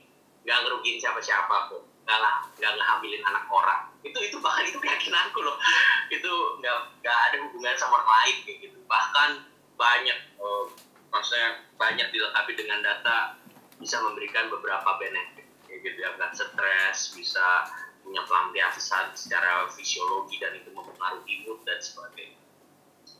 Nah, tapi ketika aku bertobat dan kemudian aku belajar untuk uh, bagaimana gitu ya, uh, seperti apa sih melawan pornografi, jujur ya aku diajari dengan cara-cara yang baik, tapi mungkin uh, menjawab sampai kedalaman gitu ya. Kalau aku mungkin tulis religious atau moral approach ya ini ini ini aku hadapkan pada waktu itu gitu ya. Biar jelas wah kayak gitu ya. Terus kemudian ya mungkin kalau abang kakak dan teman-teman pernah bergumul atau sedang melayani yang bergumul hal ini tahu lah ya kalimat-kalimat yang gini jangan sendirian di kamar gitu ya. Uh, olahraga atau capek-capekin badan jadi pulang tinggal tidur kayak gitu. Itu itu yang aku dapatkan kayak gitu. Terus kasih tahu password jadi bisa accountable bisa bisa dilihat orang kayak gitu. Dan ya bahkan ya ya sekilas itu terdengar benar gitu ya. Saat teduh doa tiap hari kayak gitu. Tapi itu semua bahkan ya itu ya saat apa saat lagi kepengen ambil Alkitab baca kayak gitu. Jadi alihkan keinginan langsung dengan baca Alkitab. Dan ya cari mentor yang bisa tahu tiap hari dan sebagainya. Tapi jujur teman-teman semangatku itu ya hanya aku sadar gitu ya. Uh, aku nggak pengen jatuh dalam pornografi tapi uh, aku tetap jatuh kayak gitu. Abang ada teman-teman bisa. Kalau di kepala udah pengen tuh mau dijagain seperti apa pun tuh kamu emang pengen kayak gitu. Dan aku sampai gitu ya minta sama Tuhan Tuhan bisa dong nggak uh, nggak nggak nggak nafsu gitu ya. Nggak ngeliat ngeliat wanita nggak taksa gitu sampai sampai kayak begitu gitu. Tapi waktu itu aku kayak mikir gitu ya semangatku ya sama seperti ini. Kalau teman-teman mungkin pernah ketawa ngeliat orang yang pengen puasa tapi minta warteg itu tutupin. Itu juga semangatku gitu ya. Aku pengen terlihat baik aku pengen yakin diriku baik. Sehingga caranya Tuhan jangan sampai aku jatuh dong kayak gitu. In a sense secara tipis aku berusaha untuk meyakinkan diriku aku cukup baik dengan cara hal-hal seperti ini kayak gitu. Sehingga cara aku melawan pornografi itu dengan dua hal. Pride atau fear. Itu mungkin yang Bang Alex bilang gitu ya. Um, rasa takut atau rasa bangga gitu ya rasa pride. Pride-nya itu apa? Pride-nya begini. Masa kamu orang Kristen kayak begitu sih? Masa kamu pengurus? Masa kamu PKK masa kamu orang binan begitu? Jadi kenapa kamu tidak mau jatuh pornografi? Karena kamu seorang PKK dan sebenarnya logika sebenarnya apa ya pemahaman seperti ini masalahnya nggak bisa dipakai gitu. Kalau kamu bukan siapa-siapa berarti boleh pornografi. Gitu maksudnya kekristenan seperti apa yang mau kita yang aku secara pribadi juga bangun kayak gitu. Uh, terus malu dong sama Tuhan sama diri sendiri sama yang lain. Jadi itu berbicara tentang uh, pride gitu ya rasa sanggup begitu atau fear buatku pride dan fear itu kayak mata, mata satu koin dengan dua sisi gitu ya. Kenapa nggak mau jatuh ke pornografi atau sexual sins ayo nanti kamu merugikan istrimu. Nanti kebiasaan lihat pornografi nggak akan puas secara seksual. Atau yang ya ini yang paling sering aku alami gitu ya. Takut Tuhan marah. Uh, itu berantakan sekali gitu. Dari pertama kali pengalaman Tuhan mengampuni dosaku sampai sekarang tak, takut Tuhan marah. Saya yakin Tuhan mengampuni, saya yakin waktu mati saya bersama Tuhan, tapi dalam perjalanan sampai mati saya takut Tuhan marah. Itu itu membingungkan buat saya. Itu itu benar-benar membuat saya gak, gak tahu butuh mesti ber, ber, memegang apa gitu. Apa bedanya menjadi orang Kristen yang berjuang dengan pornografi dengan orang bukan Kristen berjuang dengan pornografi. Teman-teman, abang kakak, di situlah saya akhirnya pertama coba merenungkan gitu ya. Ini kalimat-kalimat Injil yang sangat berkesan secara gitu, gitu ya. Uh, saya diajak dari satu bacaan gitu ya. Saya diajak mencintai Yesus. Kenapa? I love Jesus because He loves people with porn problems. Saya nggak pernah dengar orang bilang sama saya dan meyakinkan saya, ada Tuhan yang mencintai orang-orang yang bergumul yang bergumul dengan pornografi. Saya tahu Tuhan itu suci, saya tahu Tuhan itu kudus, saya tahu Tuhan itu telah menyelamatkan dan sebagainya. Saya selalu dibilangin sama hal, seperti itu. Tapi saya nggak pernah ditolong untuk mencoba mengaitkan kebenaran-kebenaran itu dengan masa saya sekarang, apa yang sedang saya alami sekarang. Dan ketika saya sadar gitu ya, ada Tuhan yang mencintai saya dengan orang yang bermasalah dengan pornografi. Kemudian saya diajak juga untuk merenungkan saya mencintai Yesus karena dia itu cukup berkuasa untuk membebaskan hati yang terbudak gitu ya, terkungkung dengan pornografi.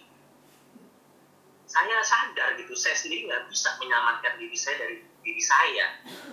Tapi saya bersyukur gitu, saya diajak mencintai Yesus yang yang sanggup kalau dia sanggup bangkit dari kematian masa dia nggak sanggup mengubah hati kita yang hidup saat ini kayak gitu. Jadi itu perenungan-perenungan yang aku ini ini ini aku cerita sama abang kakak teman-teman udah hasil perenungan gitu tapi menjalaninya itu perlu waktu gitu karena terus bergumul dengan perasaan-perasaan. Jadi apa yang harus aku pegang? 2 Korintus 5 21 dia yang tidak mengenal dosa telah dibuat menjadi dosa supaya kamu menjadi benar di hadapan Allah dan kemudian satu artikel yang mengganti kata no sin itu jadi dia yang tidak mengenal adiksi pornografi telah menjadi uh, pecandu adiksi pornografi supaya saya yang apa porn addict jadi benar di hadapan Tuhan. Dan waktu itu belajar meyakini begini di dalam Kristus saya diperhitungkan tidak pernah buka pornografi tidak pernah buka hal-hal yang ini yang tidak benar gitu ya tidak melakukan dosa seksual di dalam Kristus saya diperhitungkan Allah tidak pernah buka pornografi dan bukan cuma tidak pernah buka pornografi saya diperhitungkan Allah menggunakan seksualitas saya dengan taat dengan baik dengan kudus tak cacat tak bercelah itu keyakinan yang penolong saya mengerti gitu ya. Saya sudah dinilai seperti itu sama Tuhan. Karena itu perjalanan saya ke depan adalah perjalanan bagaimana menghidupi kebenaran itu bukan karena rasa takut Tuhan akan tolak bukan karena rasa harus ya gue kan udah bertobat berapa tahun masa gue masih gini-gini terus? Dan di situlah saya belajar menjadi orang yang bold and humble at the same time. Saya berani berkomitmen karena ada banyak orang saking gak ngerti gitu ya, atau bingung takut berkomitmen. Banyak yang bilang gak mau komitmen ntar daripada gak bisa dipenuhi bukan jadi jadi jadi berantakan gitu cara pikirnya. Bahkan saya juga begitu. Jadi pada itu saya bisa bold and humble. Saya berani hidup buat Tuhan janji buat Tuhan. Tapi saya sadar saya juga rendah hati. Tuhan saya nggak sanggup kalau bukan Tuhan yang kuatkan bisa vulnerable to others. Ketika saya bergumul jadi hamba Tuhan jadi staff saya sadar. Bukan berarti tiba-tiba pergumulan pornografi saya atau seksualitas saya saya nggak mungkin jatuh lagi gitu. Saya saya saya sudah berbeda. Saya saya mungkin nggak seperti yang dulu yang nggak memikirkan atau nggak bisa apa membedakan. Tapi bukan berarti saya nggak pernah kebal atau apa imun depannya saya bisa jamin saya imun. Nggak pernah. Tapi saya bisa membuka diri saya dan orang bisa melihat bahwa saya bergumul dengan Tuhan di dalam perjalanan ini dan saya bisa menjadi kalau kalimatnya Pak Senjaya the most serious and most relaxed person. Maksudnya saya nggak karena saya nggak tahu saya nggak bisa jamin saya pasti nggak pernah jatuh. Saya bisa relax. Tapi saya bisa serius banget. Tuhan saya nggak tahu aku, aku bisa bersaksi ke abang dan Nurul saya nggak tahu sampai mati saya apakah nggak akan buka pornografi lagi. Saya nggak tahu. Tapi saya bisa serius menjalani hidup saya hari demi hari karena saya tahu Tuhan mencintai orang-orang yang bergumul dengan pornografi seperti saya. Saya sering kasih perumpamaan gitu ya. Ini seperti kita lagi jalan pulang kemudian dapat telepon di rumah mama masak babi panggang BPK gitu ya. Dan kita diajak buat uh, ya udah jangan makan di luar gitu ya. Uh, nanti pulang kita makan enak. Kadang-kadang kita nggak percaya gitu. Kita kita kita lebih suka membentuk orang pokoknya jangan makan nanti dimarahin. Pokoknya jangan makan nanti dimarahin. Tapi itu di dalam Kristus bukan begitu gitu caranya. Itu yang itu yang aku sangat aku sangat syukuri gitu ketika berbicara dengan Injil. Satu contoh lagi kali ya. Waktu itu tentang berbohong dan berbicara jujur. Saya, saya belajar menganalisa. Mengapa saya berbohong? Mengapa kita berbohong? Kalau mungkin ada dua. Karena pride atau karena fear. Kenapa berbohong? Bang pride tuh aku harus terlihat begini aku harus terlihat begini tapi juga fear takut nanti kalau aku jujur aku ketahuan aku begini aku begini atau fear nanti kalau aku bilang yang jujur nanti dia marah nanti si itu marah kita takut tapi kalau dipikir-pikir kenapa kita jujur Kenapa saya mau jujur? Alasannya juga dua hal yang sama. Kenapa saya mau jujur? Kadang-kadang saya berpikir ya, kenapa? Ya masa bohong? Janganlah, udah pengurus.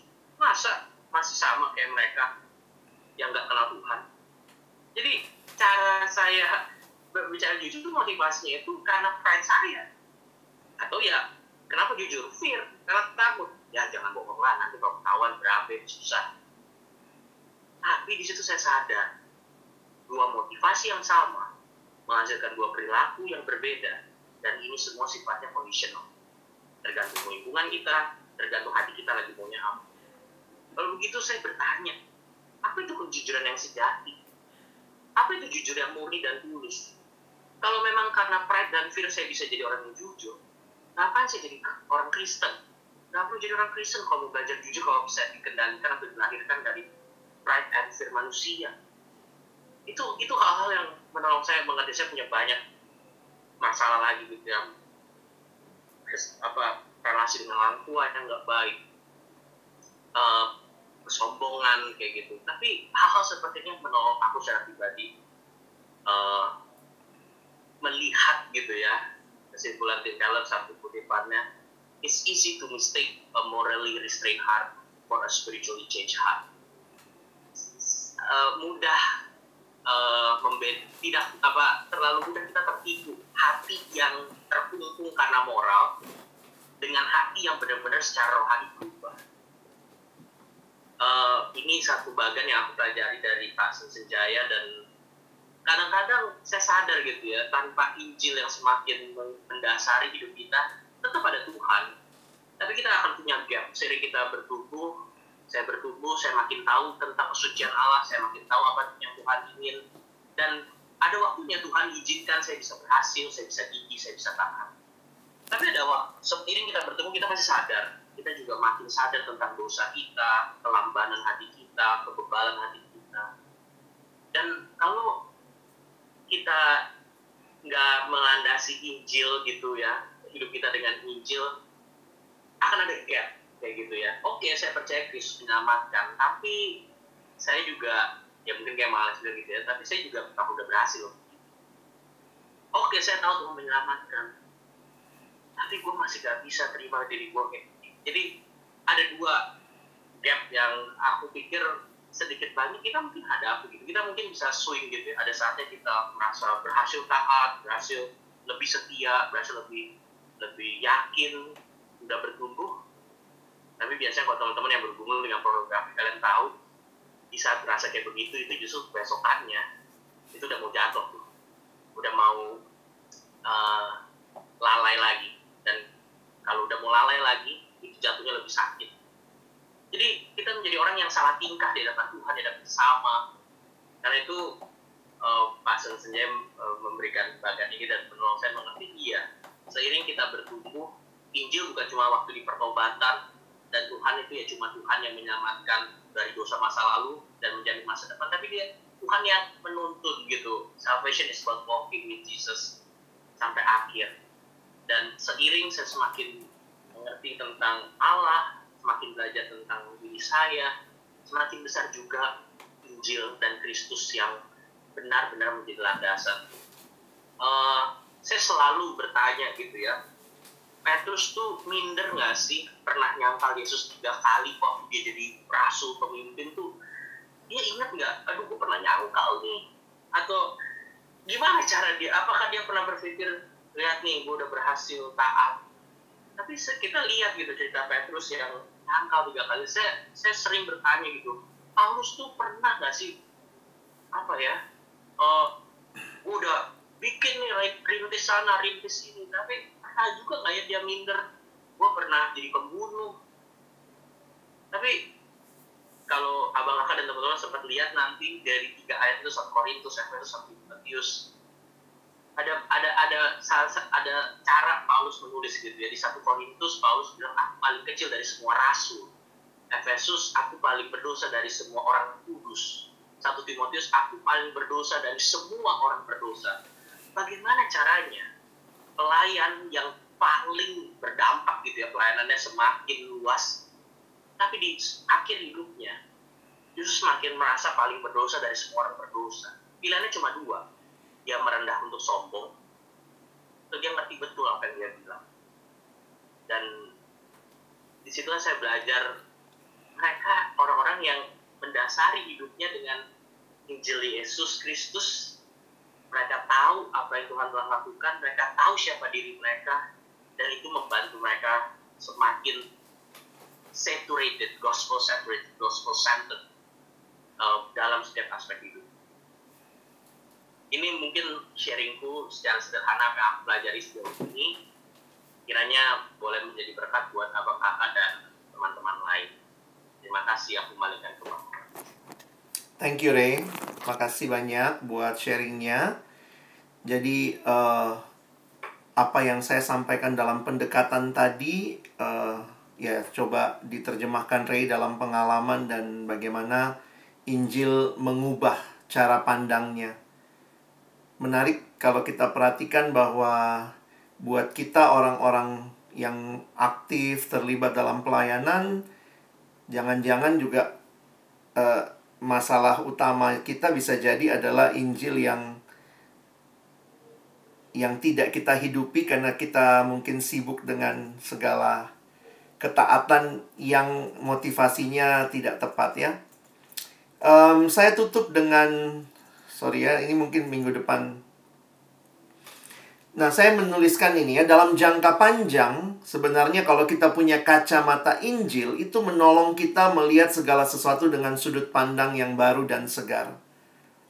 Saya banyak ketemu orang-orang yang ketika ditolong, merasa dirinya uh, hancur, karena saya pikir dia ditolong dengan legalistik. Saya kasih contoh aja ya seperti yang Ray bilang tadi. Kadang-kadang kalau orang pornografi datang sama kita, kita membimbingnya bukan mempertemukan mereka dengan Injil, tapi kita bilang, oh lu lebih harus rajin saat teduh, lebih banyak baca Alkitab. Jadi kalau dia berhasil melakukan itu, nanti dia dia akan merasa bahwa ya ini karena saya. Dan sebenarnya bukan itu yang dalam Injil harusnya kita menolong dia melihat bahwa Yesuslah yang menjadi segala-galanya bagi dia. Nah, itu itu mesti kita latih ya, karena kita mungkin terbiasa menambahkan sesuatu untuk mengatasi sesuatu. Sementara yang kita tambahkan itu tanpa kita sadari menjadi berhala baru yang membuat orang kadang-kadang bukan jadi begitu dia berhasil dia jadi sombong jadi pride wah saya makanya saya nggak pornografi kenapa saya satu dua tiga kali satu hari tapi begitu dia gagal dia hancur banget karena sadar bahwa iya ya aku nggak sanggup jadi cara membimbing cara melayani ketika Injil mewarnai kita akan sangat berbeda Makanya di dalam Gospel Centered Life banyak buku-buku sekarang yang mencoba melihat bagaimana Injil ini harus membentuk termasuk misalnya bagaimana membesarkan anak. Bagaimana misalnya berkelompok kecil. Bagaimana counseling. Nah, buku-buku seperti ini bisa menolong teman-teman ya. Ada juga tentang komunitas gereja yang gospel centered seperti apa. Apa yang dimaksud dengan gospel centered worship. Gospel shaped families Nah, ini contoh buku yang sebelah kiri kami terbitkan di Perkantas, uh, Gospel Centered Discipleship. Pemuridan yang berpusatkan Injil. Jadi pemuridan yang di dalamnya bukan dimotivasi oleh fear and pride. Itu selalu dua hal yang selalu mewarnai ketaatan. Fear and pride harus diganti dengan joy ya. Karena bisa jadi orang taat supaya kelihatan baik. Atau orang taat perjuangan dia sehingga takut-takut. Tapi sebenarnya hidup beriman itu kita taat dalam sukacita. Karena tahu bahwa Tuhan sudah menggantikan kita, dialah Injil itu yang mengubahkan kita. Ya, jadi uh, mungkin pertanyaan refleksi malam ini ini ya, apakah Injil itu betul-betul membentuk hidup kita? Dan saya pikir pengalaman yang Ray sampaikan mirip ya mungkin ya bukannya Ray ini Martin Luther ya. Bayangkan Luther itu taatnya luar biasa loh. Dia lakukan perjalanan siarah seperti yang diwajibkan pada waktu itu. Dan akhirnya kalau teman-teman perhatikan, dia ngerasa dia sudah lakukan semua, tapi kenapa dia nggak damai? Karena Luther selalu merasa ada fear. Dia belum menyenangkan Tuhan, dia belum menyenangkan Tuhan. Dan kalau dia berhasil menyenangkan Tuhan, tentunya dia bangga. Pride.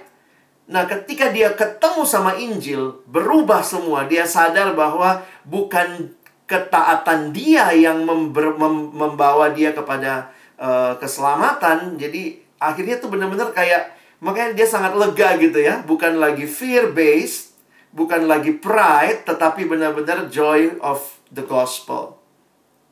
Nah, ini yang saya rindukan kita alami juga dalam hidup pelayanan kita dan kiranya ini boleh menolong teman-teman. Waktu yang tersisa mungkin kalau ada satu dua pertanyaan, saya persilakan.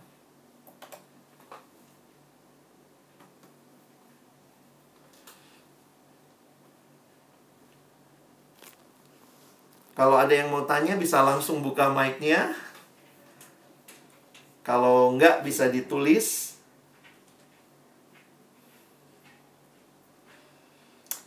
Bagaimana membedakan dari Samuel ya? Bagaimana membedakan kesedihan secara legalistik dengan duka cita ilahi? Ray bisa bantu jawab? Uh, kalau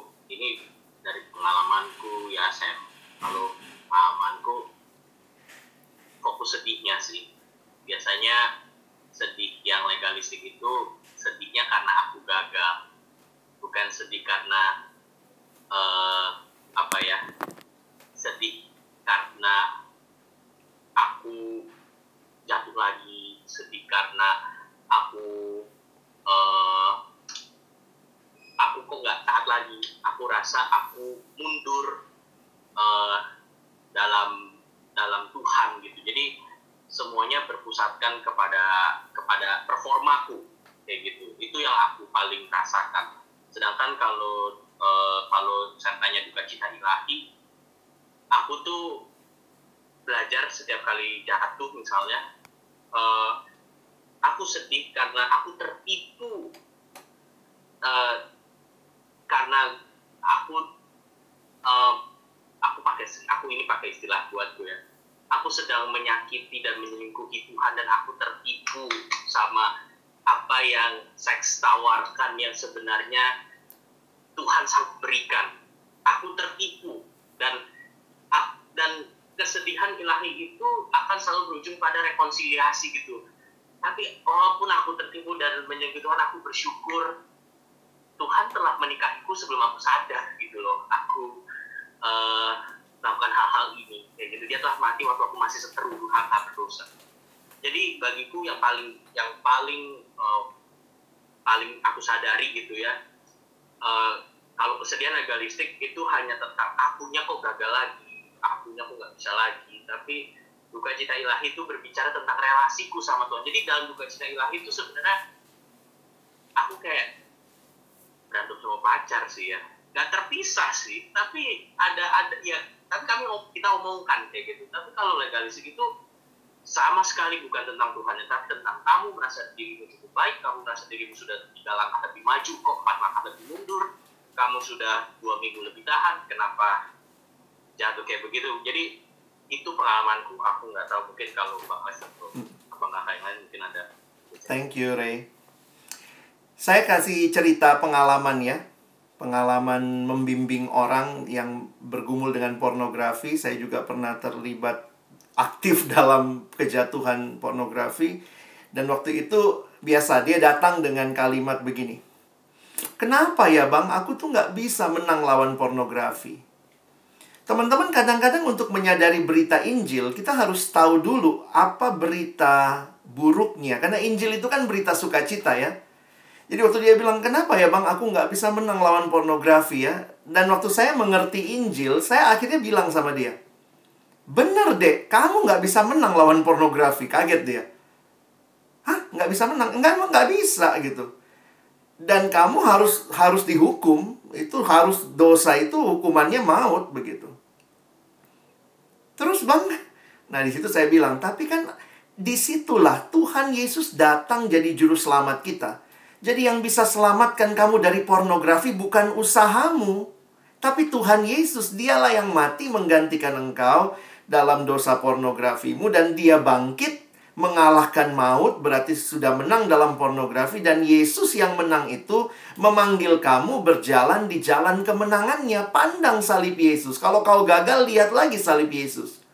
1 Yohanes pasal 1 mengatakan kalau kita jatuh lagi dalam dosa, tidak ada lagi korban lain yang bisa menebus kita. Kadang-kadang kita masih berpikir kalau saya jatuh dalam dosa, saya harus cari korban lain. Saya harus rajin lebih rajin saat teduh, lebih rajin baca Alkitab, lebih rajin berbuat baik supaya bisa mengatasi dosa. Kita menyangkali bahwa hanya Yesuslah yang bisa menyelamatkan kita dari dosa. Jadi kadang-kadang kita perlu dengar dulu berita buruknya. Memang kita nggak bisa menang dari dosa. Kalau teman-teman dan saya bisa menang dari dosa, Yesus nggak butuh datang.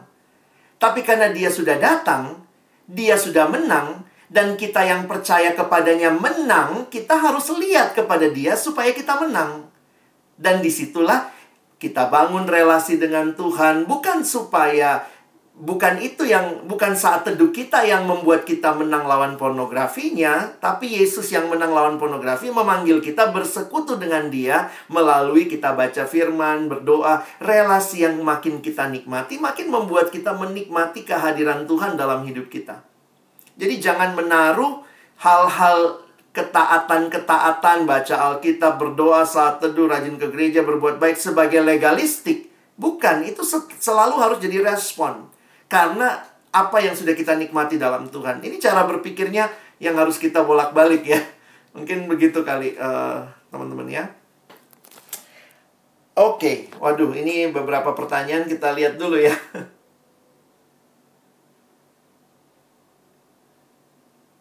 um, baik. Bang Alex, langkah praktis apa untuk dapat kembalikan pusat hidup kita dalam Kristus di saat kondisi sekitar menilai segala sesuatu terukur, total aset ya segala macam ya, personal branding, karir serta dunia ukuran dunia lainnya. Apakah kita perlu melepaskan semua yang kita raih dan punya sebagai pelayan dalam dan pekerja Tuhan pun tak luput dalam berhala terselubung untuk kesenangan dunia. Jadi tolak ukur apa standar jika seluruh manusia telah berdosa dan tendung melakukan dosa. Saya melihat terus harus perhatikan bahwa tidak tidak perlu menolak hal yang baik. Jangan salah ya, ini bukan kita bukan jatuh dalam asketis ya, melepaskan semua, menderita, tidur di atas papan, bukan itu. Kekristenan bicara bagaimana Kristus sebagai pusat dengan menempatkan dia yang paling utama dan sehingga waktu dia paling utama hal-hal lain tertata dengan baik. Nah, bagaimana kita bisa ya bertumbuh ya dalam situasi seperti ini? Saya pikir memang ini perjuangan dan perjalanan seumur hidup menikmati uh, ya karya kemenangan Tuhan di kayu salib sih. Ketika kita mulai lagi merasa harga diri kita tergantung uh, ya biasa kan alumni baru ya mulai planning punya rumah, mulai planning punya kendaraan, mulai planning jalan-jalan ke luar negeri, mulai planning. Lalu kadang-kadang itu lihat-lihat Instagram orang, mulai tertekan gitu ya. Lalu kemudian kita mulai taruh harga diri kita. Gila, gue udah kerja sekian tahun, masa sih nggak bisa beli mobil? Ketika itu sudah jadi harga diri kita, bukan lagi Kristus, bukan lagi ketaatan pada Kristus, kita lihat ukuran-ukuran yang lain, maka poin saya adalah bukan di luar diri masalahnya. Ini masalah di dalam diri, masalah hati. Nah, minggu, ya minggu depan kali ya saya tolong teman-teman bahas hatinya ya. Karena bagaimana mengalahkan hati ini yang jadi karena masalahnya ada di hati, ya kita mesti bereskan hatinya. Jadi bagaimana supaya kita tidak tidak makin cinta sama berhala? Sebenarnya logika sederhananya teman-teman ya. Kalau orang selingkuh, kan dia lagi cintai yang lain ya selain istrinya atau suaminya. Maka bagaimana supaya nggak selingkuh? Sebenarnya tipsnya sederhana. Ya cintai lagi pasangan kita yang sesungguhnya.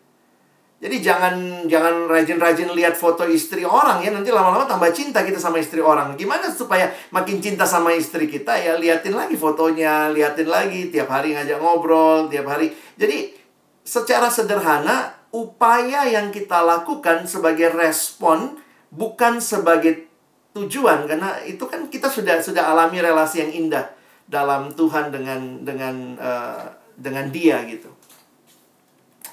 Oke, okay, um, mungkin dua pertanyaan terakhir saya jawab cepat saja dari Bene ya. Malam Bang Alex, bagaimana cara untuk menolong orang yang lain untuk menyadari berhalanya? Kadang-kadang kita mesti tanya what nightmare-nya apa.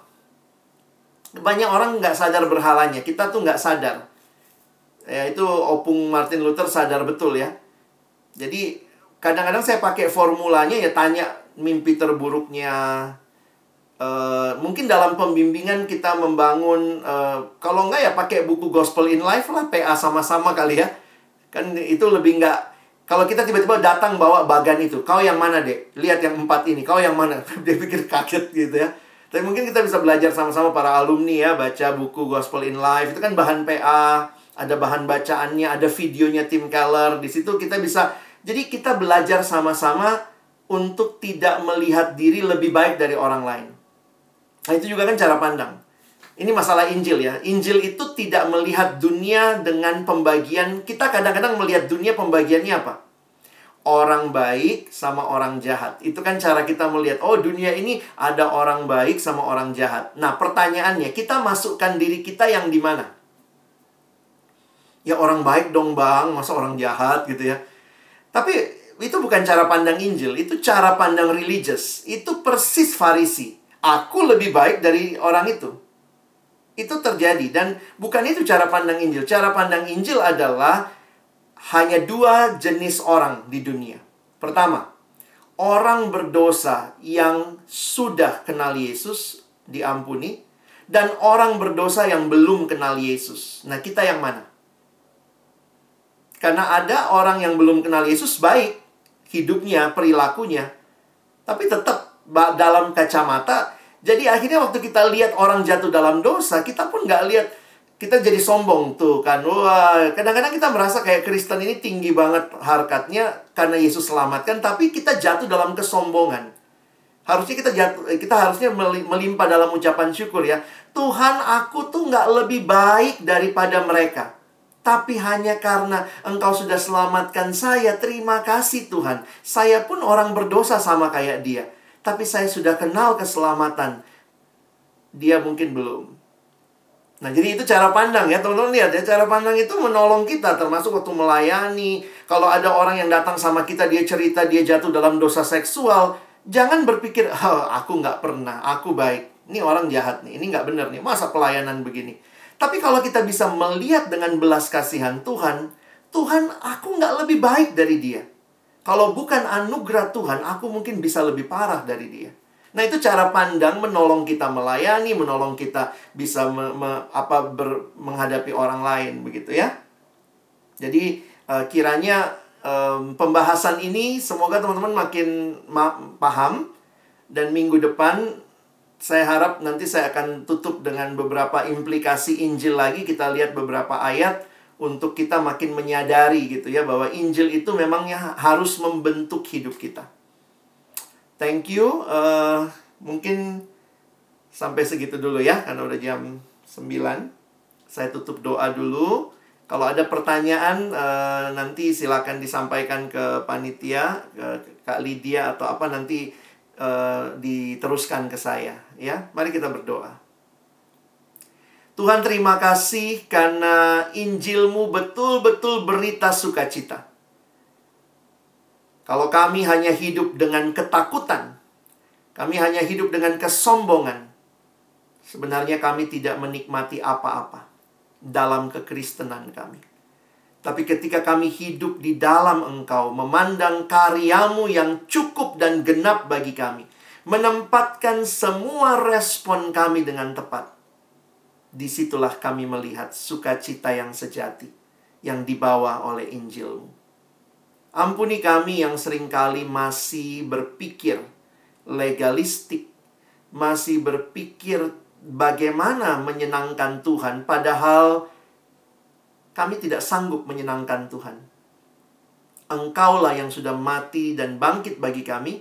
Engkau yang membuka relasi dengan kami. Karena itu kami boleh datang dan hidup di dalam Engkau. Menyenangkan Tuhan bukan usaha kami, tapi apa yang kami terima ketika kami ada di dalam Kristus. Terima kasih. Biarlah pemahaman-pemahaman ini boleh menjadi perenungan kami seminggu ke depan. Bersama-sama juga makin menikmati semangat reformasi yang membebaskan Martin Luther dari belenggu ketaatan demi pembenaran diri. Dan Luther mengalaminya 500 tahun yang lalu kami rindu mengalami hal yang sama di dalam kekristenan kami, bukan kekristenan yang terbelenggu dengan ketakutan dan kesombongan, tapi kekristenan yang hidup bagi Allah, ketaatan dalam sukacita. Terima kasih Tuhan. Kami sekali lagi bersyukur dalam nama Yesus kami berdoa. Amin.